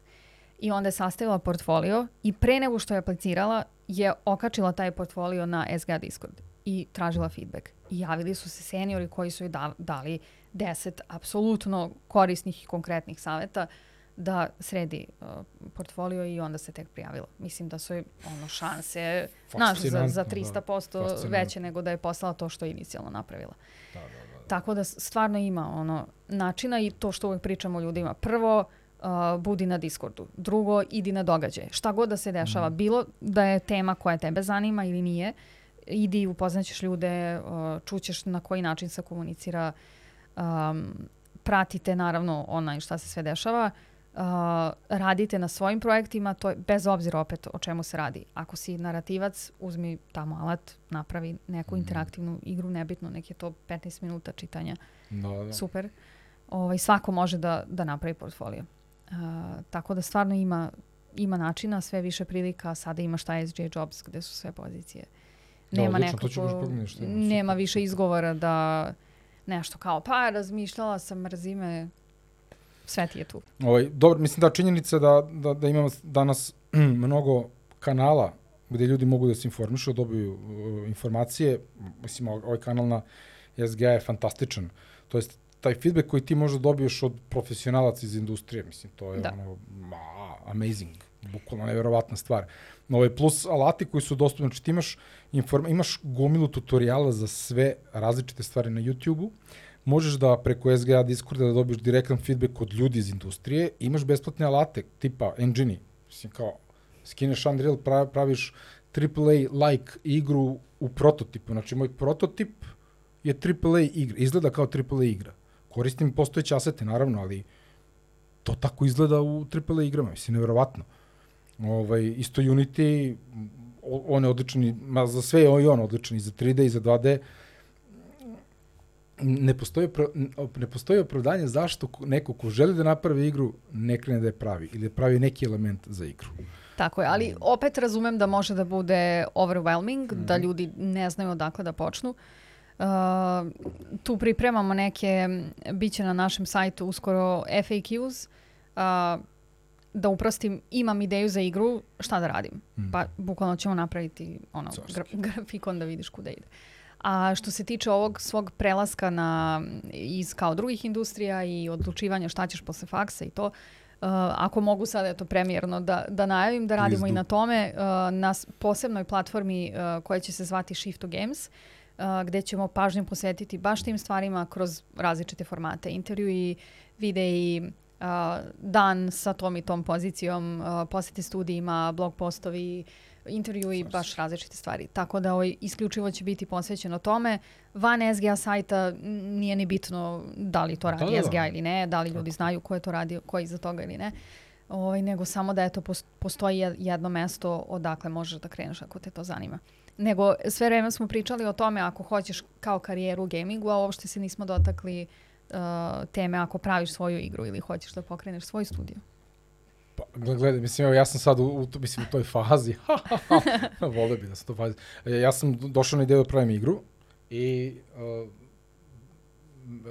evo, mislim, i kazat ću, rekao sam ti ovo, ali interesantno mm je, uh, da, epizoda s Igorom Simićem, mm -hmm. dečkom iz Demagog studija, kreativnom glavom koja stoji iza, iza fantastičnih igara kao što je, je ovaj Golf Club Wasteland i sad ova nova, dve nove... The Cub i High Water. The Cub i High Water, da. Mislim, genijalno. Ovaj. On je čovjek koji eh, nije vičan računarima u tom nekom smislu, ne igre naprotiv. igre, baš naprotiv. Uh, I on je čovjek, da kažemo, klasičnog obrazovanja, on je završio FDU, filozofiju i tako dalje, znači ekstremno obrazovan i mm. pametan čovjek uh, i koji je vrlo svestan svojih potencijala i svojih, uh, ne mogu kažem nedostataka, nego zna šta zna i zna šta ne zna. I, I, on je, I koga je trebao da nabavi oko sebe je, da nadomesti. I on je našao način da svoju ideju tako. prenese ljudima koji znaju to da urade i da napravi studiju od toga i da napravi uspešne igre. Mm. Ovaj, I meni je jako formativan razgovor bio sa njim, gde je on hm. čovjek koji dolazi iz filma, ja se iz hobija bavim pisanjem scenarija, volim film, snimam neke spotove, kratke filmove i tako dalje. I svestan sam da nije realno da ja mogu da snimim film mogu snimim kratkometražni, mogu da možda snimim dugometražni film na ono mišići i na entuzijazam, ali entuzijazam može da ide samo do neke granice. Ti tu ne možeš da tražiš punu posvećenost ljudi jer zavisiš mm. od njihove dobre volje. I o, u filmu ako praviš kompromise sa nekim stvarima u izvedbi, to se jako vidi. Tako je, apsolutno. Za razliku apsolutno. od ideje na koju si došao. I da, i onda upravo on kaže, ja sam imao ideju za taj neki science fiction svet vamo tamo i uh, uh, odlučio sam da napravim igru, jer film mi je teško da snimim. I ja sam ovako, samo sam prešao preko toga, bio sam fazonu svaka ti čas koji si car, i to je tako ostalo. Onda mi je trebalo nekoliko dana, bukvalno sam nešto fizikalisao, sam razmišljao o tom razgovoru, čekaj bre, pa ja imam sci-fi svet koji pravim već eto 7-8 godina, koji realno nikad neću snimiti. Uh, što ne bih to pretočio igru, već sam imao ideju za neku igru. Ja sam bukvalno spojio mm -hmm. ideju za igru koju sam imao kao neki fantasy i sa tim mojim svetom. I upakovao sam to i krenuo sam da razvijam ideju, da razvijam ideju, definisao sam mehanike, a onda je trebalo da se napravi prototip. Mm -hmm. eh, prototip ja ne mogu sam da napravim, treba mi neko. Imam sam cimo ljude za Unity, ali ono, naravno ne može niko da, da, da se posveti, neozbiljno da se posveti tome, jer ne može posveti potpuno mom projektu. Ovaj, ti ljudi imaju poslove, zarađuju mm. za život od toga. Osim ako ti ne, nije neko baš blizak, da, pa ste sad podelili ima, ko je viziju na moju ideju. tako da, je, tako da, je. Da. Tako je. Ovaj, I onda sam ja bukvalno bio u fazonu, čekaj bre, aj skinem taj Unreal, nekako mi bliži, što sam igrao Unreal tournament kog klinac što sam išao na turnire neke, ložio se i tako dalje. Rekao, aj skinem ja to da vidim kako to funkcioniše. Ovaj. I za tri nedelje Goodbye sam... world.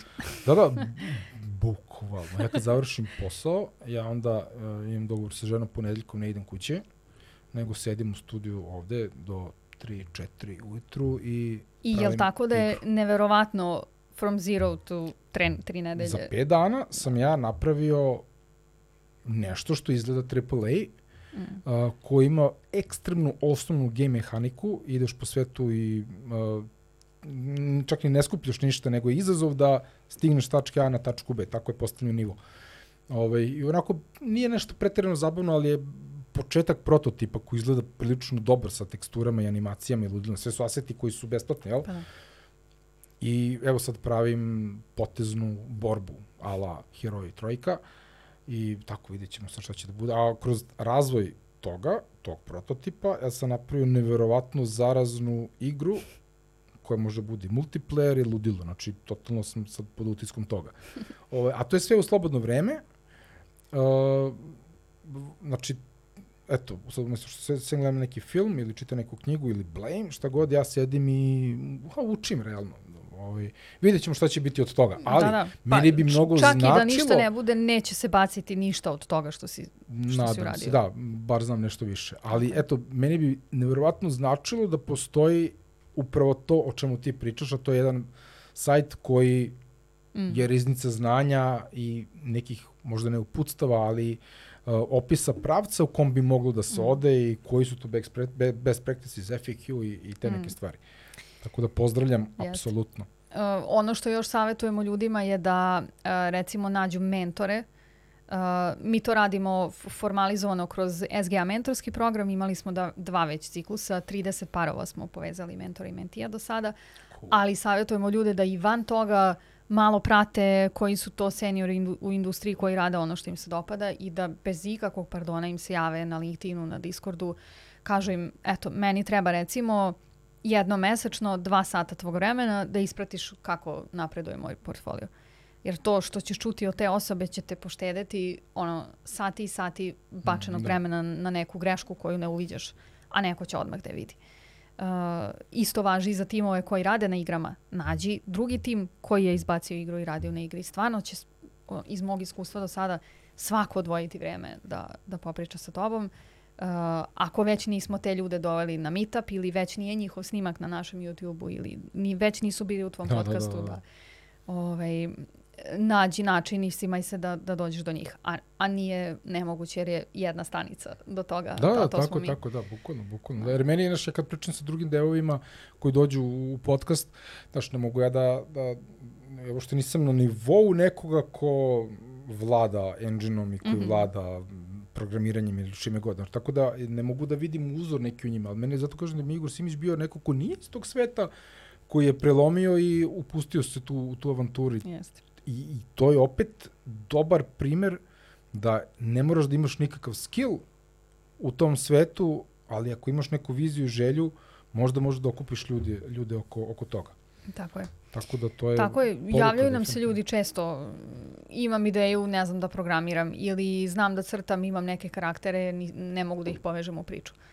Tako da bilo je situacija da su se ljudi nepoznati spojili u tim i počeli nešto da, da, da, da. što je strava, strava. Carski. E, da li si za pivo? Znam da nisi. Ali ću ja da uzmem jedno Nisam, pivo. Nisam, uzmi slobodno. Hop to podići. Ove, e, a dečko car za tebe ima majicu. O, oh, very Ove, nice. Izvolite. To je... O, što je dobro, podsjeća me na Firewatch, igru koju jest, obožavam, jest, zar ne? Divna. Juče sam slušao GDC e, priču o Firewatch. Stvarno, da, šta kažeš? Uh, čovek koji je pričao o igri nije, nije baš najbolji narator, Aha. ali je onako dosta čita. Veze dosta je čitao sa, sa ovog uh, iz prezentacije, mm -hmm. ali je pričao o tome kako su ga uh, kako su napravili igru koja nema mehaniku borbe Mm -hmm. i koja je samo onako... Walking simulator, bukvalno. E, da, bukvalno. E, exploration sveta mm -hmm. i, i otkrivanje te priče A i šta se dešava. toliko je zanimljivo Da. i cozy u tom svetu. Ma, predivna, Mnogo, predivna mnogo lepo izgleda, sad onako, bukvalno ne mora Mnogo ništa da mnogo bude, samo da bude da ne Čak moram može da, i da ima mogu no da story mod. kroz njega. Da, ništa, da, Samo to, da- samo da, da letim ideš, kroz, da, kroz da. njega. Mm, Predivno, predivno. odlično. Ovaj, zaista, zaista velike. Nisam igrao igru, gledao sam Aha. ovaj, jako mnogo streamova. Mm. Znaš, bukvalno pustim kad nešto radim neku fizikaliju, Pa skroz je za... Pustim na Možeš da je TV-u. odgledaš kao film. bukvalno, mislim, bukvalno ko neki da. wallpaper stoji, čak nekad istišam ove što igraju, Mm. mi sam, samo tako ide ovaj, kako on igra tu igru. Ba, Da. Genijalno, genijalno. Pa možeš onaj no commentary, zaista je kao film. Da, bukvalno, da. Odličan voice over, sve super. Ne, ne, igra je pff, masterpiece. Ovaj. Mm. Čak mislim, kupio sam i imam je, ali od Mm. svega naravno nisam stigao da igram, ali dobro, doći ćemo nek, u nekom Da. momentu do toga. Eto, recimo, Da. to, toga mi još fali. Nismo još imali iz uh, Srbije neku, tako da kažem, ajde, double A, indie, narativnu igru koja je imala neki tako ogroman uspeh po- poput toga. A Da. Apsolutno imamo sve elemente koji su nam potrebni da napravimo jedan Mm. Pa Firewatch. i meni je ideja da, da, dobro, ja neću pravim Firewatch, ali meni je ono baš mm, narativ heavy igra, Mm. ali ne u smislu blokovi teksta, čak teksta će tu bude najmanje, nego će bukvalno bude ideja mi da priču pričam kroz dijaloge likova dok ti Mhm. eksploruješ svet i oni međusobno pričaju o tome Mm. i to ti faktički daje informacije o svetu i otkrivanje kl- kluova, da kažem, Mm. kako da ćeš da, da pređeš igru i ostalo. Mm. Mislim, i hoću da radim branching narativ, da ima mm, ne znam koliko krajeva. Mislim, ja sam megaloman po prirodi, tako da ovaj, uh, tu dolazi moj profesionalni, profesionalni trening skopovanja stvari. Tako da srećom imam način kako sebe da Samog sebe da ograničim. zauzdavaš. Da, da, da, bukvalno, bukvalno. Jer to sve bacam sve te neke ideje, ono idu, Mm. mm. napravio sam sebi i Confluence na kome to pišem, imam i Jira Mm. za taskove ovaj, svoje. to, tako da- toga ima puno pre, uh, previše zagrizu ljudi u startu i onda nam Mhm. se jave i kažu imam 500 strana lora. Super, da, ali lore does not game make. Ja obožavam narrative based igre, ja obožavam Baldur's Gate, Icewind Dale, Mm. uh, Pillars of Eternity. Dobro, uh, to su sad baš ogromni to su ludo. primeri, pričamo o nečem Ali i ni što je oni, manageable. ni oni mi nisu najbolji primer. Evo, konkretno Pillars of Eternity igram Keca sada. Mm. I uh, mnogo ima teksta. Mnogo ima teksta. Isprečava me da eksplorujem svet, jer ja sam completionist, imam taj sindrom. Mhm. Moram sve da pročitam, moram sve da otkrijem, moram sve da vidim, sve questove da završim. I e, imam sesije gde ja odvojim vreme, kad ručam recimo ili tako nešto, ili uveče kad sam umoran, kad ne mogu da radim ništa, onda uh, istražim sve što treba da istražim i onda učitam igru kada treba da pričam sa likovima. I onda ja uopšte ne igram igru, nego sedim i čitam, klikćem Da se to prođe. da, da bih to prošao. Sad to nije, ja sve to čitam sa razumevanjem, da ja shvatim sve to, mislim, ali koliko ima ljudi koji to rade. Mm, Ovaj, I naravno. onda mi je ideja da, da probam da napravim, a to opet odatle dolazi trening pisanja scenarija, da bude što sažetije, Mm. a to je teško, na, lako je napisati blok Jako. teksta, a taj blok teksta sveti, svesti Mm. na jednu rečenicu, nije skill, samo je vreme u pitanju. Odličan primer mi je tu uh, Stasis, uh, onako manageable narrative based igre, uh, a to sve što čitaš stvarno gradi svet i, i vodi te kroz priču. Nisam igrao. Ali ok, u, sjajno. Um, izometrijski je onako pixel art, sci-fi, do, dosta dark, ali stilizovano. Nice, Uh, ima nekih, recimo, ajde da kažem, 5 do 6 uh, sati gameplaya. Jako, jako dobar primer narativne igre. Wow, to ću da Stasis, ok. Cool. Mislim da Very znam nice. za igru, mada možda je generički naziv, pa je možda zbog toga znam, ali Aha. sigurno sam naletio na nju zato što istražujem gomile, gomile, gomile, gomile igara. Što ja radim breakdown igara, pošto za moju igru ja sam morao da istražim recimo nekih desetak kaj desetak, ali da kažemo, desetak sam se fokusirao igara, Mhm. Disciples, K- King's Bounty, Mhm. Pillars of Eternity, Baldur's Gate i to, da vidim Icewind Dale. Icewind Dale, da, naravno. Ovaj, uh, ovaj onda o, DOS, ovaj, Disciple, nije Disciples, nego Divinity Original Sin Cats dvojka. Do, To ne znam. to je, to je bolje od, bolje je verovatno igra od svih ostalih, od Baldur's Gate, Icewind Dale-a, uh, Planescape Tormenta, Pillars of Eternity, zato što je brutalno. To je Larian studio radio, oni su belgijanci. Uh, Divinity Original Sin 2, kretenizam. Kickstarter, Kickstarter kampanja, Mm, nice. wow, wow. Znači ono stoji mi, šelfovao sam, krenuo sam da igram, bio sam Mm. u zonu, ovo traži posebnu, posebnu pažnju. Zaista igra i full je 3D i pravljeno u njihovom engine-u, njihov proprietary engine, Mhm. ali ne, ne znam, ludilo. Nice. Baci pogled, ovo je odlična igra.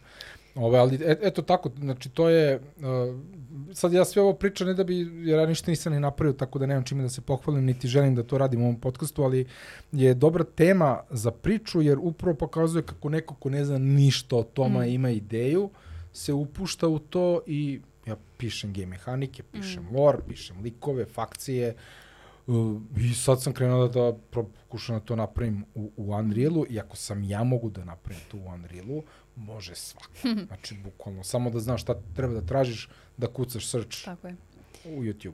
Imamo baš odličan primjer uh, jedne narativne igre domaće koje se sad pravi i to je jedan dečko sve radi i art, pritom je pixel art uh, i radi dev deo i sve piše sam. Uh, mislim da je choice based ako se ne varam, sve je onako u dijalozima pa ti izađu opcije pa, pa te vodi kroz priču dalje. Uh, zove se igra Let Bygones Be Bygones Jedan, to sam i vidio, da. izašao je trailer nedavno i to smo, baš smo svi onako excited da vidimo šta će biti s tim. Da, da, to Ogroman sam video. Vidio sam baš u stvari Mm. na LinkedInu SGA post Eto. o, o, o toj igri. Aha, pa kod mene onda verovatno. Tako da, da, to, to. Super, I da, da, da, sam- intervjuisali smo ga ovaj, da ono vidimo kako ide.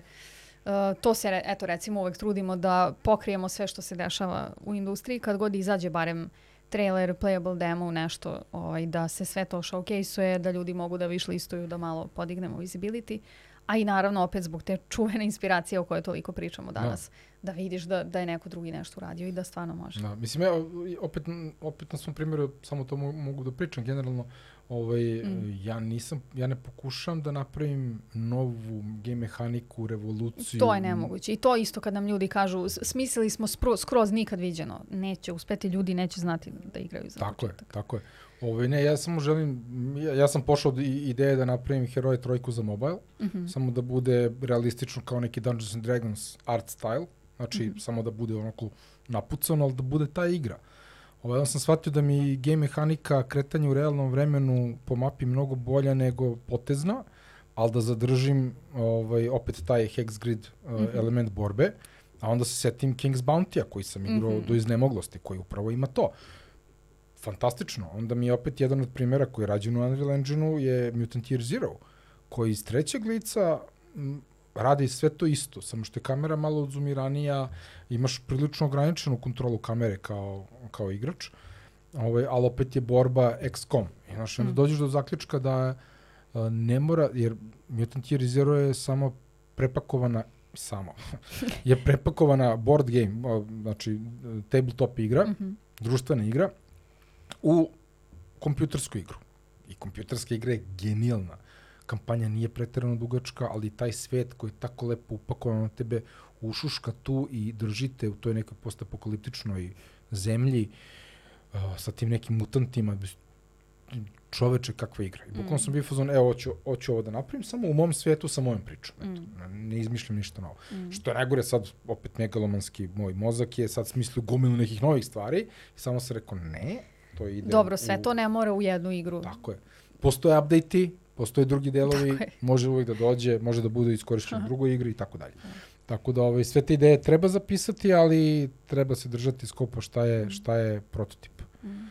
Pa pogotovo za mobile treba istražiti Iš, tržište, ako mobile, nije, Da, to, ako nije premium igra, da, da. iako jeste. To Ne, isto... mo- Mobile je, to, znači ja uopšte ne želim da, ja sam hteo da pravim mobile igru, u stvari. Heroje trojku, Mhm. realistične za mobile. Ovaj, ali, gledaj, mobile, ne, uopšte ne želim da pokušavam to da radim. Znaš, moj, moj cilj za moju igru je da 100.000 ljudi maks igra, Mm. to je idealno. A s Pa, obzirom za na... prvu svakako je ono, znaš, don't put all your eggs in one basket, kao Tako, nećeš tako, sve, tako. sve što najviše želiš da napraviš, da staviš u prvi projekat. Tako, možda failuje, možda nikad se nikad ne napravi. Da. Možda se napravi, a totalno ne ispuni iščekivanja čak naprotiv. I Mm. to je vrlo realno. Mm.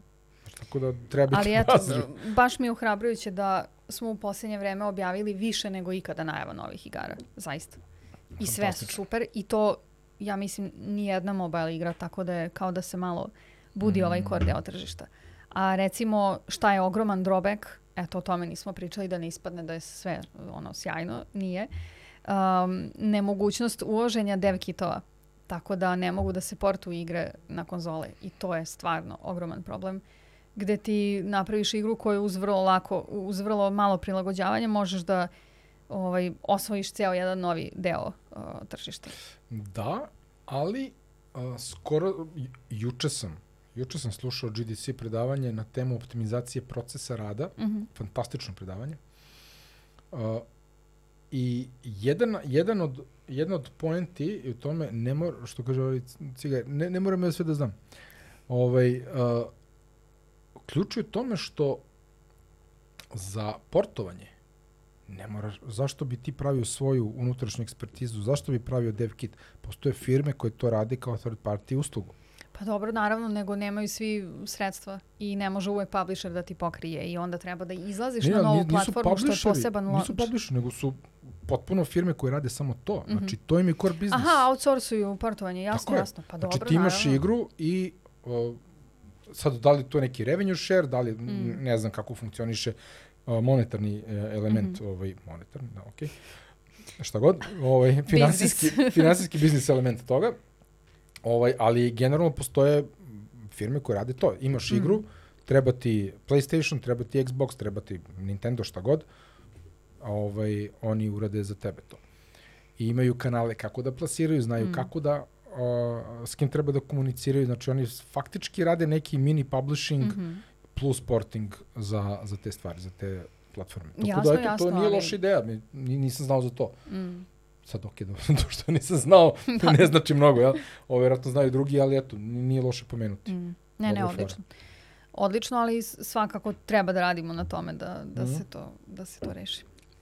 Ali da, ali ako, ako bi moglo da se radi in-house i ako to nije mm. neki preterano veliki posao i ako tim ima prostora i kompetencije to da uradi, mm. zašto da ne? Naravno. Da, da. Još jedna stvar recimo o kojoj nismo pričali, a bitna je i za ove pojedince, a pogotovo za timove koji rade na igri, konferencije. Da, uh, da. Što je opet jedna specifičnost, rekla bih, za gaming industriju. Uh, da imaš konferencije posvećene isključivo pičovanju i razgovaranju sa investitorima, publisherima i traženju eto, dilova, financija. Da kome šta treba. A gde postoje te konferencije? To pretpostavljam nije kod nas ništa? Uh, ima nekih i kod nas. Um, recimo Madhead Games je organizovao Game Up uh, svake godine, pa je, sad smo imali pandemiju, pa je malo bila pauza. Uh, ali postoje svud u Evropi, najbliža nam je recimo u Dubrovniku uh, Reboot, Reboot Develop Blue, koji će biti sada baš krajem uh, Ja planiram oktobra. da odem tamo, da radim, da probam da uhvatim ljude koji su direktno tamo, mm. govornici, govornici, ljudi koji drže predavači, prezentacije, da. predavači, tako je, e, ljudi koji imaju svoje igre tamo da, da pokažu, vidjet ćemo da će to da se desi, to mi je ideja. Ovaj, o, zaista mislim da te neki, ti neki neformalni razgovori kako ja vodim sa ljudima, mm -hmm. 10 minuta, 15 minuta, sat vremena, nebitno, mislim da mogu da... da Ti da pričaš s nekim 10 minuta. Pa gledaj, mora, da, imam i taj skill, zamisli, zamisli. Ovaj, uh, ali uh, bukvalno suština da se izvuče mm. o, o nekom projektu ili o nekoj ideji. Pa, uh, reboot je i najbolji za to što planiraš, jer je no. Da. za razliku od svih drugih konferencija potpuno neformalan. Ti ne možeš na rebootu da ugovoriš sastanak sa investitorima i publisherima, što je poenta svih drugih konferencija, mm -hmm. da imaš te back-to-back -back, uh, sastanke u košuljici, da, da, u kancelariji. Fazom, da Uh, ovde je sve vrlo chill, s pogledom na more, nema sastanaka ništa i svi dilovi se dešavaju ovako, na pauzi za kafu, na pauzi za ručak, na da. žurci uveče, što mislim da je za gaming industriju prilično okej. Okay. Barem za taj inicijalni neće niko potpisivati ugovor na konferenciji. Ne, nego samo razmena si doveo ljude ideja. da se tu ne, u opuštenoj atmosferi upoznaju, Tako. u nekom drugom svetlu da se pokažeš, a ne, a ne u tom. Kao, da. ovaj, što je super i stvarno ta ekipa iz Rebuta je odlična i kao tu su nam komšije, tu, najjeftinije nam je nekako svima da, i svim timovima da, da odu tako, tamo. Tako. A druge konferencije su svuda po Evropi i sad ih već ima toliko da su specializovane za platformu, za žanar. Da. Ovaj, ima da, da, da Dragons u, u, u Poljskoj, ima tako. u Švedskoj. zaboravio sam kako se zove relativno, čak to mislim nešto bilo u januaru, tako nešto. Mm -hmm. ovaj, mislim, ima ih, ima ih. Bio GDC Europe, ja ne znam da li to i dalje postoji. Mm, ne da znam, ali Gamescon je apsolutno naj, najveća konferencija u Evropi i najvažnija, da, gde da. su kao the place to be. Gde, gde, gde oni uh, U Kelnu. U Kelnu, da. Da, Hanover, da. Dosta Hanover je skupo otići da, da. tamo, molim? I tri je valjda u Hanoveru, tako nešto. Nije bitno, ne bitno. Da. da tako nešto. Ovaj, dosta je skupo otići tamo, ali apsolutno vredi. Eto recimo, uh, jedini domaći studio koji je imao uh, tamo štandić ili već kako, kako, koji je koncept, uh, je Foxy Voxel iz Novog Sada, mm -hmm. koji su posle našli publishera i izbacili ekstremno uspešnu igru um, Going Medieval, uh, Medieval City Builder Simulator. Da, da. Mislim da imaju preko 600.000 uh, prodatih primjeraka u prvih godinu dana i ne znam koliko više listova preko milion. I baš su ono, baš su iskidali s tom igrom. Super. Ne, odlično, to je ovaj, ali eto, mislim, to je dokaz, da, dokaz da može. Mm. Svi su alati tu, postoji ovaj, zajednica, mm. postoji SG Discord koji je fantastična ovaj, ovaj, pomoć, realno. Mm. Ovaj, tako da ne postoji ni jedan izgovor da se igre ne prave. tako je, tako je. Ovaj, I, I toliko ima kompanija studija i timova, sad vrtimo taj tri, trio entiteta. Dobro, dobro, ali, ali je, da, da dobro je razgraničiti, zaista je dobro razgraničiti, da. Ovaj, da, da možeš da biraš on, da li hoću da radim mali deo projekta godinu dana da, da učim zanat, pa da posle biram i u velikom timu i da vidim kako je to raditi s menadžerom i šta je pipeline ili hoću da nađem mali, manji tim i projekat u koji verujem u kojem, kojem ću da radim ono no. Da. malo više od 9 to 5, ali da posle imamo nešto što smo da. uradili. Tako da ima baš raznih prilika za, i za sve stepene, rekla bih, ono, i za skroz entry pozicije, i za mediore i seniore. I no, Znam mislim, da, da su neki ljudi protiv tog izraza medior, ali meni je baš zgodan. Ne ok, vrlo, da. vrlo da. u jednom rečju objašnjava da nivo znanja, da recimo, da. ili ekspertize, ovo, jer da ni meni nije nešto, mm. ali jo, šta je između junior, pa. junior i senior? Ljudi sa iskustvom, recimo. da. Ovo, da, tako da, mm, ok, ali dobro, to je, u ovako mladoj, da, da je tako nazovemo industriji, barem kod nas, mladi, mladoj, da, da, da ovaj, ima mnogo toga da se radi, ima mnogo prilika, ljudi koji, su, koji počinju neku poslovnu karijeru, koji upisuju neke fakultete, mogu da se profilišu. Ljudi koji imaju iskustvo mogu da se prebace. Kako, kako se zvalo? Shift to Games. Shift to Games. Fantastično, fantastično. To je mm, to. Mm. Shift to Games. Uh, I ljudi koji žele sami da prave Mm. Evo, ako sam ja pokrenuo Unreal, e, Unreal Engine zaista. Da. da znači. Pogotovo ako te radi da si pionir u nečemu, a i dalje jesmo pioniri, ja mislim, posle 10 godina. Pa jesmo. Pa da. A recimo, Britanska asocijacija Panda Nesgeau, uh, Yuki, postoji 30 godina. Da. Dude. Dude. o čemu mi pričamo. Da, da. Da, da. da. da, da. Ovaj, uh, da, 30 godina. Asocijacija sam. Asocijacija, da. ne industrije. Da, da, ne da. industrije, pa kak je. Bože, da. Ovaj, hmm. Ali dobro, to je... Mislim, kao imaš Ameriku i Britaniju, to je to. I imaš Japan, naravno. Ovaj, to hmm. su tri, tri velika ovaj, hmm. igrača. Pa eto, kao ajde, Engleska i Francuska odmah iza toga, da, ja bih dodala. Jeste, jeste, definitivno. Jeste. Ali eto, recimo, zanimljivo mi je da kod nas se polako sad pravi, a i trenutak je već, uh, naučna zajednica koja se bavi uh, analizom videoigara sa te kao akademske strane. Pa smo prošle godine imali, ne znam da li to znaš, prvu konferenciju posvećenu tome uh, koja se zove Svi, um, studije videoigara u Novom Sadu, baš i organizovao i pokrenuo taj profesor, fenomenalan lik Manelo Maravić, koji je pokrenuo taj game design u Novom Sadu i raspisali su uh, poziv za naučne radove koji se baja video igrama. Stigla je gomila radova i ima da se skine taj zbornik sada. Znači sve su naši ljudi pisali, uglavnom mladi istraživači. Uh, ima oko 50 radova pa ne znam, imaš um, To sam skinuo. To, to sam priroda u. Witcheru, uh, pf, narativi u The Last of Us 2. Znači, pf, To mi je dalo ideju da ja napišem jedan, jedan Eto. rad na tu temu. Otvoren je konkurs Ono za, za novu konferenciju. Ili tako da možeš da pošalješ Hoću. sada abstrakt Da. i tek posle rad i tako. Da. Tako da se dešava sad i već, eto, redovno to svake sam godine. skinuo, interesovalo me da naučim Mm. o raznim, pošto su mi se dopale, Odlično, dopale odlično. teme. I onda sam bio fazon, ja, kako je ovo cool, kako bih ja ovde nešto napišem, ko šta ja mogu da napišem o tome. I opet nekoliko dana kasnije, dok sam radio neku fizičku aktivnost, ovaj, sam se setio da postoji jedna stvar koja mene zanima i o kojoj bih mogao da pričam. A to je? A to je nivo i težina u video igar, igrama. Mm, sjajno. Kompletna analiza i zašto igrati igre na najtežem Mm. i zašto igrati igre na najslabijem i sve ono Jo, između. evo sad, ne znam šta mi je to trebalo. Uh, The Last of Us dvojku na Survivor prelazim. Da, da, da. da. Strašne stvari. Eto, reci mi zašto to radim. Izazov. Izazov. Izazov. Ne, ne, pa naravno. Izazov. Ali eto, super tema i, i baš mi je drago da ima... Ja mislim da ni profesor nije znao, ni niko nije znao da će stići 50 Da, da, da. radova fantastično. a, na, na tu temu iz tog ugla. Tako da mislim da i to pokazuje neku zrelost ekosistema Da. kad imaš i taj deo.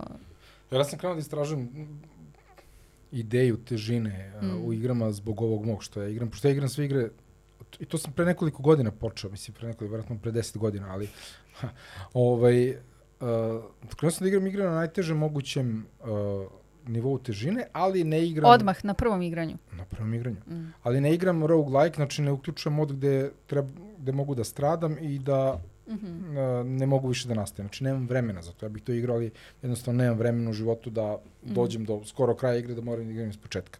Jer znam da bih morao da igrao bih, znajući sebe, igrao bih iz početka. A uz sve to si completionist. E, pa to, ja sam večera prešao tri Dude. puta na najtežem, dude, na najtežem tri puta, drugi put sam krenuo da ga igram zato što mi je ostao jedan quest nerešen, to sam pričao u prethodnom epizodi, vjerojatno pričao sad u svakoj. E, ima Red Baronova karter, ja nisam teo da igram Gwent, bio sam što, e, e. smaranje, aj pali. I sve sam rešio, znači bukvalno svaki, svaki kovčeg je otvoren, sve što postoje, pra, svet je prazan posle mene, ničega više nema. Ovaj, I svi su questovi bili rešeni samo Red Baron quest fail. Jo, odlepio sam. I onda sam učio tu igru. Igra ima odličan fazon New Game Plus, gde ti nastavljaš sa svim svojim Mhm, mhm. skillovima i to, samo sad diže se težina sveta i ti sad opet se leveluješ i tako dalje. I sve na najtežem, taj Blood and Broken Bones, bones mislim da se tako zove, najteži nivo. Aptly O, named. Aptly name, da, bukvalno. I tako sam je tri put prešao. Onda sam, naučio sam silom, nateran sam bio svojom doslednošću, Ludošću. kako go, ludošću, da, kretenizmom, ovaj, da naučim da igram Gwent da bih Mm. jel, prešao i taj quest. I onda sam toliko odlepio na Gwent da sam ja uključivo... Sad sam htjela da kažem, zar nije super? Jesi igrao Gwent posebno? Uh, Gwent igru kao sam, uh, previše mi je sadržajan. Gwent. Mhm. Previše ima karata, previše drastično je drugačiji uh, sadržano samo Mhm. od uh, In-game Gwent. Gwenta in-game i jednostavno sam shvatio da ja nemam vremena da učim sve te karte i sve te mehanike da bih došao na neki nivo gde sam bio u Gwentu Ali je sjajan kao CCG, složit ćeš se. Ko, to ludilo čoče, ja sam instalirao na telefonu, tipa Mm. 3,4 giga instalacija. Fenomenalno. Tri put sam ga uključio, nervira me moment, e, ja imam problem sa igrama gde, gde, gde postoje checkpointi, gde postoji određeno vreme za igranje, definisano ja imam jako male uh, prazne prostore kad mogu da igram igre, onda su mi jako bitne igre Sad gde još mogu manje da učiš sačuvam. Unreal. Što sad ne igram ništa više, sad igram. Pillars of Eternity da, da se odmorim jer mi je to onako, Mm. daje mi inspiraciju za pisanje, za, za te neke stvari. Uh, ali ključ u tome što uh, Gwent je u igri, ja sam ga absolvirao, znači to, to je to. I onda sam toliko odlepio da sam krenuo da pravim hardversku verziju Gwenta. Pošto ne postoji. Postoji samo u obliku tipa Collector's Editiona Witchera trojke, gde, si, gde dobiješ jedan dek karata za jednu fakciju i sad postoje dekovi karata za sve fakcije, to ne može da se Ali kupi. to je više kao collectible, nije... Mislim, ne Full može, set može, karata. sve može da se igra. full set karata. Mm. I onda sam ja bio jako očan što to ne postoji, dolazi, došao je, došao je lockdown, ja sam bio fazon, zašto nemam Gwent da igram sa sinom Gwent? I, ovaj, I onda sam krenuo da pravim Gwent svoj. I sad to je interesantno. Uh, Gwent je, znači karte su same formatirane po recimo Magic kartama, Magic the Gathering kartama. Mm -hmm. To su karte koje su manjeg formata, koje su predviđene da stoje na stolu ili u deku, nisu predviđene da stoje u rukama odraslih mm -hmm. ljudi. Mm -hmm. Ovaj, a Gwent se igra u principu tako, ti držiš karte u, u svom špilu i gledaš šta imaš i treba da bacaš. I onda sam shvatio da mi dimenzija karata ne odgovara za mm. taj stil igranja, nego treba bude full poker karta, ono, standardna karta. I ovaj, onda sam krenuo da pravim po tome. Međutim, problem je u tome što mi fali, pošto su ove karte uže, kad je scaluješ, kad je baciš na poker kartu, Ima fali ti rupa. šlajfna sa mhm. strane mm -hmm. jedna, en, prazno je. I onda sam ja krenuo da docrtavam. I sve sam karte docrtao. I to mi nije bilo dovoljno, i onda sam uzao i sve sam karte preveo na srpski. I kompletan Gwent imam preveden na srpski, sve fakcije sem dve. Okači online ljudima da imaju da skimam. Ne, hoću da odštampam Aha. to, e, naravno ne da prodajem, nego da odštampam da, da. i da kogod bude hteo, jer to postoji da se skine. Ja sam skinuo template mm -hmm. za mhm. karte, znači nisam ih hvatao in game. Uh, ima neke španske, ima neke engleske, ali sam bio fazonu daj, daj na srpskom. I hoću da štampam to kogod bude hteo da mu odštampam, da plati po, koštanje. A jesi po knjiškom prevodu, jesi iz knjige vadio? Ne, ne, sam sam sam. prevodio. Sam sam prevodio. Zato što je odličan meni prevod Vičara, zato pitam. Nisam čitao domaću verziju. Ovaj. Ja samo domaću, baš mi je dobra. Da. Ili mi je to nekako bilo logičnije nego englesku tako sa poljskog, pošto da, je mnogo da, bliže da, da. jezički. Da, pa da, mislim, ako već čitaš prevod, onda čitaj prevod koji ti je bliži. Pa da. Mislim, nije izvorno engleski, tako da... Ne, ne, nisam ušte ulazio u to, bukvalno mm -hmm. sam onako sam prevodio i mislim da sam jako dobro preveo. Eto, moje, moje apsolutno neskromno mišljenje, mislim da sam jako, ja sam jako vodio računa da ga dobro prevedem. U duhu srpskog jezika i... Ništa, onako, kad bude sledeći meetup ti spremi pa donesi. Da, mogu, mogu. Da mogu. se posle... Da, ne, ali nisam očito po ništa. Košta, Aha. mislim, ja. E. Zašto ima skoro 900 karata ima. Ja. ima osam špilova. 900 karata si preveo i napravio. Da. I farbao. Nisam, dev, nisam rupu. svih 900 ofarbao, farbao rupu, da, bukvalno. Nisam svih 900, ostali su mi dve fakcije za to. Mislim, ne, Nilfgaard sam uradio ceo. Monsteri su mi ostali sam, možda sam i sve uradio, više se ne To se radi za vreme korone. Ovo, to mi je bio passion project. Pa dobro, realno Ali, svi da. smo nešto, uh, Banana Bread ili Gwent. Tako je, da sam znao tad za Game Dev, vjerojatno bih pravio igru, ali okej, okay, bože moj. I da jesam, možda bude da. novi lockdown. Da, nije, ali ovo je super, ovaj, i ja je, ono, ne mogu da dočem, mislim, pauzirao sam taj projekat, nisam ga završio, da kažem, ovaj, mm. uh, docrtavanje, to nisam završio, uh, traje. Mm. Ovaj, ali je, ja ne znam da crtam, ali dovoljno znam da manipulišem Photoshopom da to isfejkujem da izgleda kao da je to je, to je karta, nema, mm. nema šta. Ovaj, tako da, da, možda bih mogao da, opro, da, da oštampam probnu seriju. Ovaj, da. Vidjet ćemo, nema pojma. Tipa nešto, 10-15 hiljada košta štampanje jednog seta karta. Znaš, skupo je, nije baš kao isplatljivo, ali imam nekoliko drugara koji su u pa fazonu pa, kad bude štampao, za nekome, count me ono, in. Da, neko ko ti je bitan baš za neki rođendan ili nešto, baš je strava. Ne, to, topina. Topina. Mm, još na srpskom. Super. Nije, sup, mislim, a, a za, zašto sam prevodio na srpski? Nisam iz Hira prevodio srpski, nego da bi moj sin mm -hmm. razumeo, on zna da čita srpski.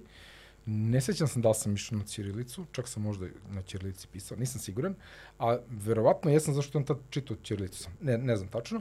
Ovaj, ali zbog njega sam ja u stvari to štampao da bi on mogu da, da, da, ovaj, da on može to da igra sa mnom. Eto, ali e, najviše sam engleskog naučila iz igara, tako da, da, da, da. možda da mu, mislim sad već ne možeš da mu prevodiš verovatno. Sad bi zna, ovaj, zna, zna dosta, zna kroz igre, zna kroz školu. I gomila onih reči koje znaš kako se pišu, a nemaš pojma kako se čitaju. Da, da, da. da Miscellaneous, prva reč iz igre da. koju sam naučila, nema, nisam pojma imala kako se izgovara. Da, da, da. Ja sam mnogo engleskog naučio, ajde, iz filmova, kao i svi, ali iz hip-hopa, mm. pošto sam hip-hop mm -hmm. slušao, slušam. Ovaj, I onda da bi ti sad skapirao šta oni pričaju o toj pesmi koja ima nenormalnu količinu teksta svaka, ovaj, onda kreneš da mm. čitaš, da zapisuješ, da nađeš značenje, onda vremenom, uglavnom slang znam. Jeste takva muzika, ali ovaj, mnogo mi pomoglo to. Ovaj, mm, kako ne? Kroz onako hobi, zabavu. Ali dobro. Ovaj, a, dobro, znači sledeći report je u aprilu. Jel, ima, jel pravite neke aktivnosti, neke... Ovaj panel je bio prošle nedelje, da kažemo, a, fantastičan. Mm. Pričalo se o, o mobile o gamingu. Uh, tri ekstremno stručne osobe su bile na panelu. Ja, znači, koji god event da postoji, da ja znam i da mogu da odem, ja ću da odem. Mm Uh, nevezano od podcasta, nevezano od moje igre, od bilo čega mi sam želim da čujem, da, jer mene mobil, konkretno mene mm. lično neću da idem u mobil, ali... Ali moraš priznati da ti je bilo Ma, nevrovatno korisno. Da, da. Te, to je ono što sam već rekla, savjetujemo svima da idu na sve. Da, bukvalno. Um, I stvarno rekla sam, uvek ima nešto, ako ne pravimo mi, pravi neko drugi. Da. Uh, preko leta pravimo pauzu, realno u avgustu Dobro, moramo to je, mi to je da odmorimo. Tako je, tako. Uh, e, ali od jeseni ćemo imati meetupe u Nišu, Novom Sadu, Beogradu, Uh, imaćemo jedan game jam, ne smem sad još da otkrivam šta. Dobro. Uh, imaćemo jedan uh, mobile dan ceo, isto ne smem da otkrivam još šta je. I imaćemo jedan core dan ceo sa baš velikim ovaj, partnerima da showcase-ujemo naše i neke PC projekte, uh, tako da će to da bude, eto, minimum tih 5-6 stvari do kraja godine jedva od nas. Čekam, jedva čekam.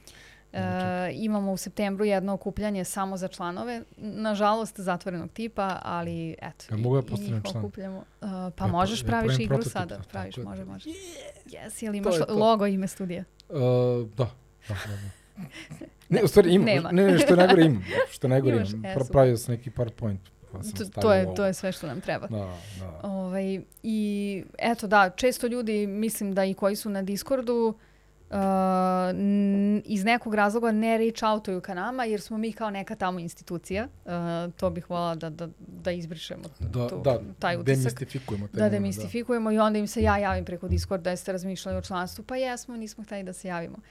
Tako da ovaj, slobodno kogod gleda uh, podcast ako radi na bilo čemu, čak i ako su pojedinci, javite se meni, nebitno, Chris SGA na Discordu. Uh, ovaj, da vas samo uputim uh, gde da idete. Postoji naravno besplatna članarina, samo da ste na ono mailing listi i da stižu sva obaveštenja da, koje da. su samo za članove.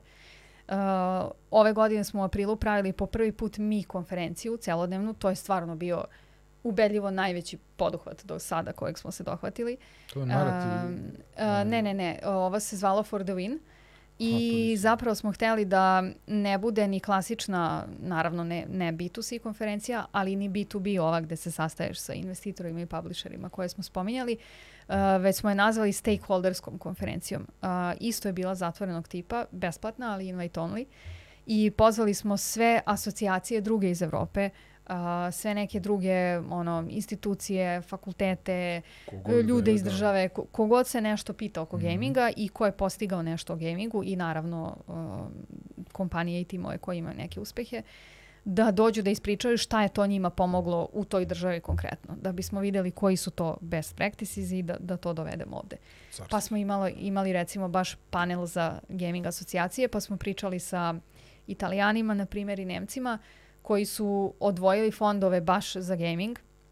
Mislim da je Italija odvojila uh, 4 uh, miliona evra, uh, Nemačka 50 i bukvalno kad pogledaš nemački report godinu pre nego što su napravili taj fond i godinu nakon, ovolika je razlika u pa, broju objavnih igara, zaposlenih ljudi. Znači, baš jedan, Brate. jedan džinovski no-brainer. tako, da. Tako. Dobro, malo mi je smešno za Italiju da da 4 miliona, to su ono tri igre, četiri igre, pet igara, uh, deset. Ali u, u sred pandemije, dok je tamo bio apsolutni haos, pa je to više bio Aha, neki... Okay. Aha, to je čisto koje mi postojimo. Evo, nešto. Pa da, čisto da, da, da nekako priznaju ono postojanje industrije i onda to Dobro, okay, ti omogući okay. da više radiš na drugim poljima, na obrazovanju, uh, na nekim poreskim olakšicama i takvim stvarima. Da. Uh, jer je verovatno fond najlakše nekako osnovati, pa onda ideš dalje. A to je više proof of concept.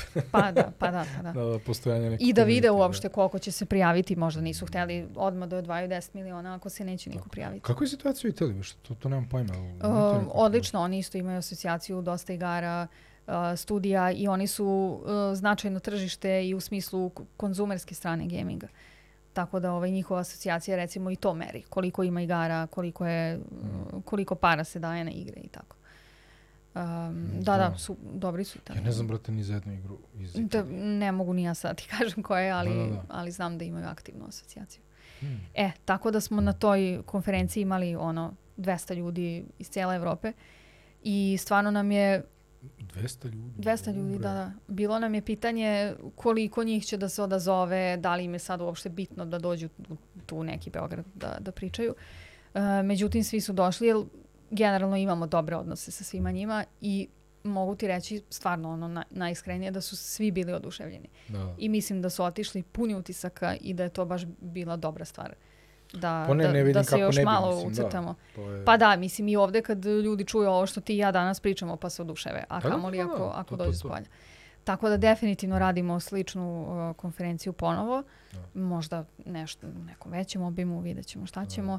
Ali ovaj, Meni je onaj Playing Narratives, ja sam bio dešava. na jednoj sesiji ovaj, Eto. Playing Narrativesa u, aj, u ovom um, E, tako, infi, infiltrirao si se. Infiltrirao sam se, tako je. Ne znam kako sam uopšte došao tamo. Hoćeš da objasnimo ljudima šta je Playing Ajde može, zato čisto da bi znali. fantastično E. bilo. Ja sam, odlepio sam bio. Strava. Bio sam jedan, Hvala nisam bio čak ni jedan, bio sam na jednom predavanju. Ko, ili ko je dva. pričao?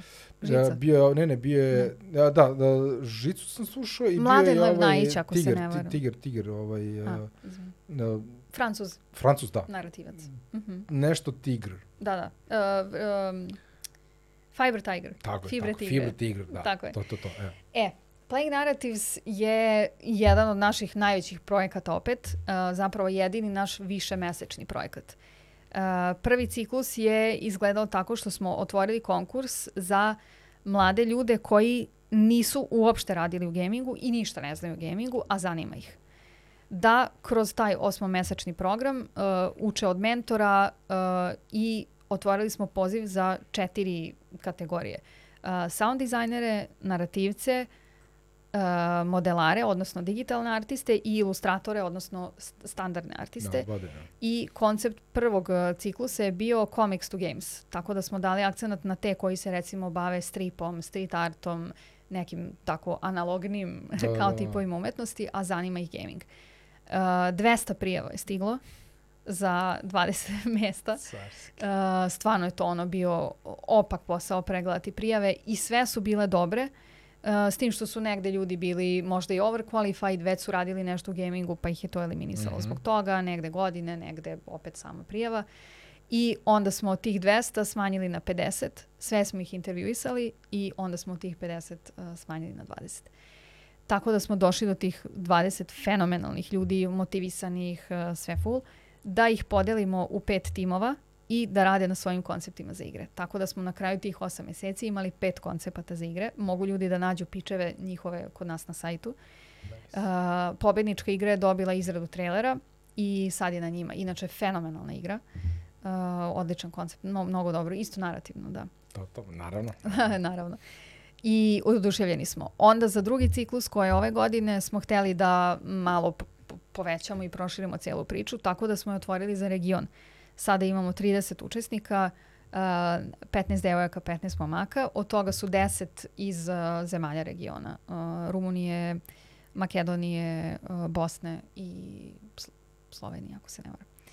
E, tako da oni sad trenutno rade, opet ćemo imati ovaj put uh, osam koncepata, pošto ima osam timova i to je stvarno takvo iskustvo s njima neverovatno. A inače, ovi, ovih 20, od ovih 20 iz prvog ciklusa, 10 se zaposlilo u gamingu. Aha, no, fantastično. Fantastično. E, skoro sam pričao, trebalo bi da dođe ovaj, e, dečko iz To vam je Playing Narratives. Da, Playing Narratives ludilo, ali, e, znači, e, Art Bully. Aha, Znači, ja nisam znao da postoji Da. studio. Nisam znao šta rade. Da, Da, da. da, i mnogo toga drugog. aha. Znači, ljudi prave art, to je 3D asete za sve. Mhm. Bukvalno, AAA, šta god. Ovaj, a meni je fantastično što oni imaju svoju akademiju, gde uh, ti pohađaš akademiju i kad diplomiraš na toj četvoromesečnoj akademiji, Mhm. imaš mogućnost da se zaposliš kod njih u studiju. Čoveč. Pa da. Eto, znači opet dodatno ne postoji razlog da neko to ne proba. Mhm. Tako je. Ovaj, Ne, ne, stvarno ima super projekata u Srbiji za koje ljudi ne znaju. Uh, drago nam je da većina timova ne radi outsourcing, znači 60% timova ima originalni IP, nismo radna snaga za Evropu, šta god, Da, ko što je da, da. kao ono uvreženo mišljenje, verovatno i za ostatak IT-a. U gamingu to nije slučaj, ali opet imamo primjera uh, super timova koji su radili neke IP-eve, recimo uh, Uh, posljednji DLC za Titan Quest je rađen u Srbiji, je radio Mhm. studij iz Novog Sada. Pa onda Aquanox, čuveni IP iz 90-ih, je revampovao taj isti studio. Uh, Aquanox to sam Deep vidio, da, to se zove igra. Tako, tako, to odlično. sam vidio, da. Ovaj, tako da stvarno ima super primjera i sve više imamo nekih uh, service-based uh, studija koji nude neke usluge tipa izrada da. cinematika. Uh, Bunker VFX, na primjer, radi, da, da, jeste, radi da, trailere. Su, da, Radili Da. su Outlast 3, na primjer, i tak, Digital stvari. Craft, ili tako ima isto? Uh, su- možda, ne znam da, po ne- tim imenom. Da, okej. Mislim da ima neki studio Digital Craft, ali sad... Digital Arrow, možda Ne, na baš njih misliš? Digital Craft Aha. se zovu. Ali mislim da su oni možda za filmsku industriju. Mhm, e, moguće. E, nisam to posiguran. Sad. Verovatno ih Moguće. imam odatle u, u glavi. Onda imamo jedan super studio koji radi voice-overe, na primjer, mnogo su cool. Uh, imamo studio koji radi samo playable ads za, za mobilne igre, Mhm. jako uspešni. Tako da i tu se onako polako profiliše. Tako da ako imate neku ekspertizu, eto isto ideje, a nećete recimo u pipeline, nećete da radite na igrama, otvorite nešto. Da, bukvalno. Mm. Bukvalno. Da ti ne dajem još ideje. Da, da, da, čut ću. dosta, dosta. Pa ja sam Pa da. krenuo sam čak u varijantu piše narativ, uh, E pa imamo jedan uh, studio koji se sad odvojio za narativ, da, da Mm. samo tu uslugu nudi. Što ima neki scenario koji sam napisao i koji bi realno mogu da bude narativ. Ka, kako se zove to? Interaktivni Interaktivna novela, tako Mhm. je. ovaj, I onda sam bio u fazonu što ne bih prepakovao to ovaj, u tako nešto, ali onda sam bio fazonu, a, ko će to, brate, sad treba da smislim i druge grane i to, i a, izbor, ali onda vrlo suštinska stvar koju si ti rekla na početku ovog razgovora, negde pri početku ovog razgovora, je bilo što, samo si, ti si to tako onako ovlaš rekla, mene je ono pogodilo, brate, u, ne u srce, nego onako u, u, u viziju, ko sam bio, bum, uh, napravi 15 minuta igrivog interaktivnog narativa. Rekao, što to ne bih uradio, to mogu da uradim Pa, jako brzo. Epizodicu, Copy, da. da ne pišem sad copy-paste, bukvalno toga što je napisano. Mm. Jer ja imam Twine otvoren, znači Pa igram, igram, igram se u njemu. Mhm. Ovaj, ranije sam pravio neke koncepte u tome i koristio sam u stvari za pisanje scenarija, što je, Mm. da, Eto. da vizualizujem Mhm. priču. Mhm. Koristio sam Twine za to, mislim. Tako da, eto. Gde god znači, ne kreneš, moraš da znaš apsolutno. ništa o Da, da. gamingu i programiranju i crtanju. Ako imaš priču, možeš da je ispričaš Tako je. kroz Twine. Da.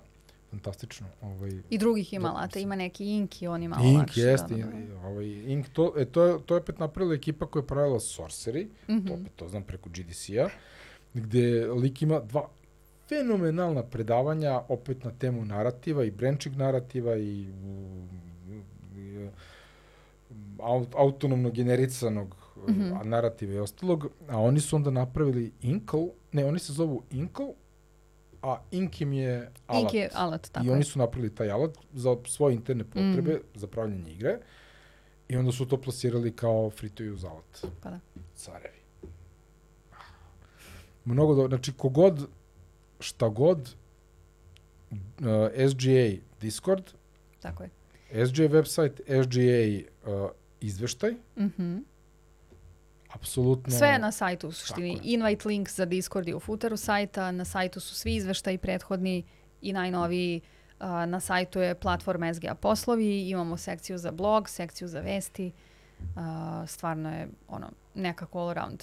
Kalendar sa događajima, ne samo našim, nego generalno sve u, sve u gamingu, što je i sve više ima nekih vesti o fondovima, o prilikama za investiranje, to sve isto ovaj, imamo na sajtu, tako Da. da Kaži mi sad možda škakljivo pitanje, nismo imali ni jedno može. ako je, ako je, možemo da isečemo ako je nije okej, a možda nećemo. Šalim se, ovaj, a, da, pomoć države, jel postoji nešto, ne, ne- neka inicijativa, nešto što bi moglo da... Ne postoji ne, ne, ništa Ne industriji, nego što vama ima- kao asocijaciji. A nama kao asocijacija, Jer vi jeste ne, nevladina organizacija i onda je tu Mhm. malo verovatno i, i pravno teško da se... pa ali- da, nisam sigurna da postoje baš neki mehanizmi bilo gde koji pomažu NGO-ovima. Mm. Mislim, a Da. i zašto bi? Nije nama. Mislim, Da, nije to. Ne, ne, ali tipa mm, sprega NGO-a da utiče na državu, da država negde plasira nešto za Mm. gaming. Mislim, postoji inovacioni fond, mhm, to znamo, Tako to je. prolazi, to je znači game, i igre su inovacije, Jeste. tako da to je okej. Okay Dosta naših članova je dobilo taj inovacioni Mhm. fond, tako da može da se dobije. Ima sad taj neki novi uh, katapult koji isto deo inovacionog koji u sebe ima i mentorski deo, uh, imaš neku kao akceleraciju. Uh, I još jedan imaju spin-off uh, koji se zove Start Smart, odnosno Startuj pametno, koji je isključivo za uh, izradu prototipa, što je za gaming super, jer možeš preko njega da finansiraš demo. Ja, mora, ja Smart. moram verovatno platim artista, pošto nemam artista. ono. Eto. Uh, kako se Ovaj, zove? Start, Start Smart. Startuj pametno. Uh, da, da, Koliko odlično je. već večeras. E, tako da, da pogledam, sve da. više ima tih uh, stvari.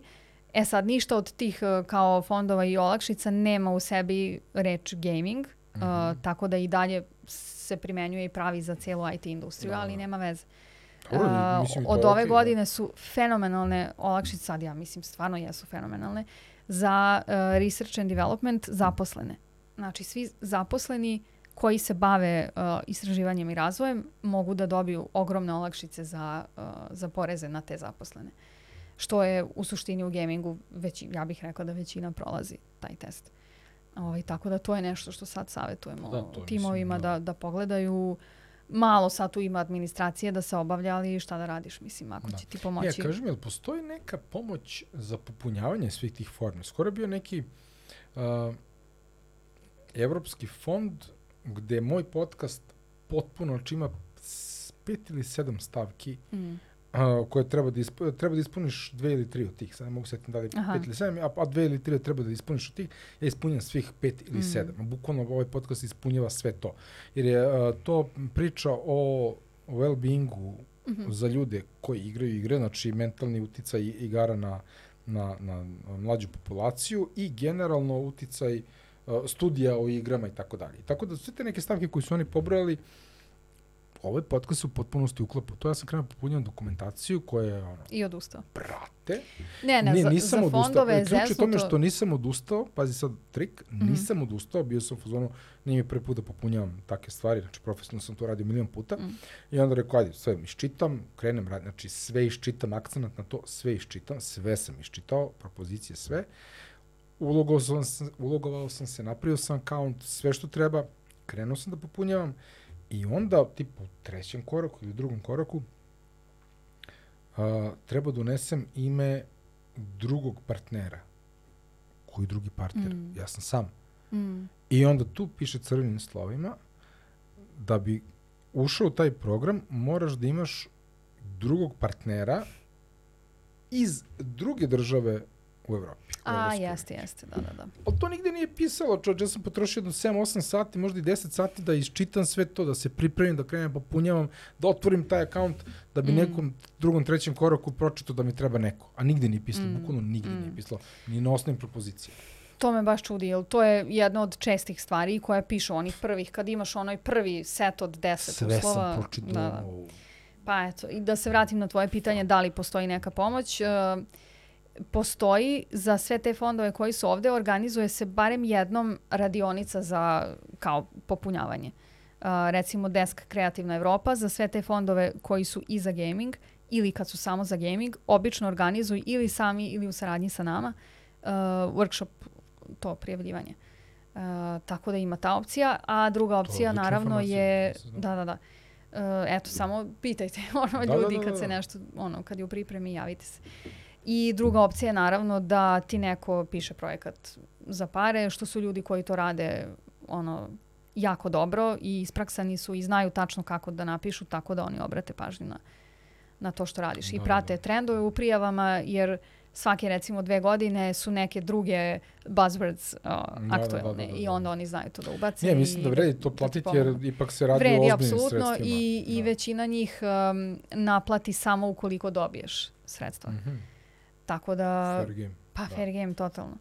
Tako da je, ovaj, ne bih možda čak ni preporučivala ljudima da se sami prijavljuju, pogotovo ako im je prvi put, nego da, Gleda, da ja imam prosto stručnu pomoć. znači, evo kažem, 15, da, 15 godina rada u kor- korporacijama. I dalje te to ne priprema da pišeš Ne, nula. ovakvu vrstu znači, ja prijave. sam radio analizu Tako je. britanskih pravnih ugovora za bankarski sektor, E- E- EBRD-a i Mm, ostalih, što je napisano tako teškom mm, pravnom engleskom jeziku. Uh, I ja sa tolikom količinom skila, ovo sam bio fazonu, brate, šta je ovo? Jer imaš tipa 40 i nešto Još strana za, za svoj lični da projekat koji držiš u malom Da. prstu. Da, da, da. Da, Ovo je baš onako, uh, jeste. nije, nije okej. Jeste, jeste. A tipa pričamo o cifri gde bih možda mogu da dobijem recimo 60, 70, 80 hiljada evra da. granta za određene stvari. Znači tu i Mm. business case i ostalo. Je, mislim, Naravno, naravno. možda treba zaista platiti nekoga ili barem reach out nekome da za ne, ne, svakako. Ili barem one koji su već dobili to. Jer A- suština po, ce- cele priče u tome što ćeš ti da potrošiš 20 sati da to popuniš i ako padneš na jednoj stvari koju si, koju si prevideo i nisi znao ili nisi razumeo, kao što sam ja ovde izgubio 10 sati, Pa da. nešto nisam video, očigledno, ovaj, potroši svoje vreme koje si mogu da iskoristiš nešto mnogo pametnije. Unreal. Unreal Engine, na primjer, 5.0, Apsolutno. na greške. Kako drugačije? Da. I idemo triple A odmah, brate. O bože. O bože. Ovo, da, to je ludilo. Uh, ne znam, ja mislim da smo se mi jako lepo ispričali. Jesmo, hvala ti Ovaj, puno na pozivu i Nema na čemu, razgovoru. bilo, bilo mi uživanje, zaista, ovaj, zato što ovo je neki drugi pogled na gaming industriju uh, koji generalno nemam priliku da, Mm. da dobijem kroz razgovore sa ljudima koji su direktno ono, in the front lines uh, rada na igrama. Mnogo ti hvala. Ja bih čak volao da ovo bude neki ono, što bi rekli na engleskom, recurring event. E, pa može. I kad kad, god izađe novi šta, izveštaj, kad je nešto Šta novo. god da, imate nešto, da, uvek možemo da, znači možemo bukvalno da snimimo i kratku epizodu, želim da, da, da podržim dobre stvari koje zaista radite i ono, ako treba neka pomoć s moje strane, uvek sam tu, tako da eto, Pozvan šta god. si na događaje, možeš Da, tamo da ko- se setupuješ kao što Setupuješ, planiraš na hoću. rebootu. Hoću, Eto. hoću, tako je, tako je. Tako da to je ovaj, respekt, zaista. Hvala Thank puno. Ovaj, ništa, čujemo se, pričamo ponovo. Hvala puno. Važi, ćao.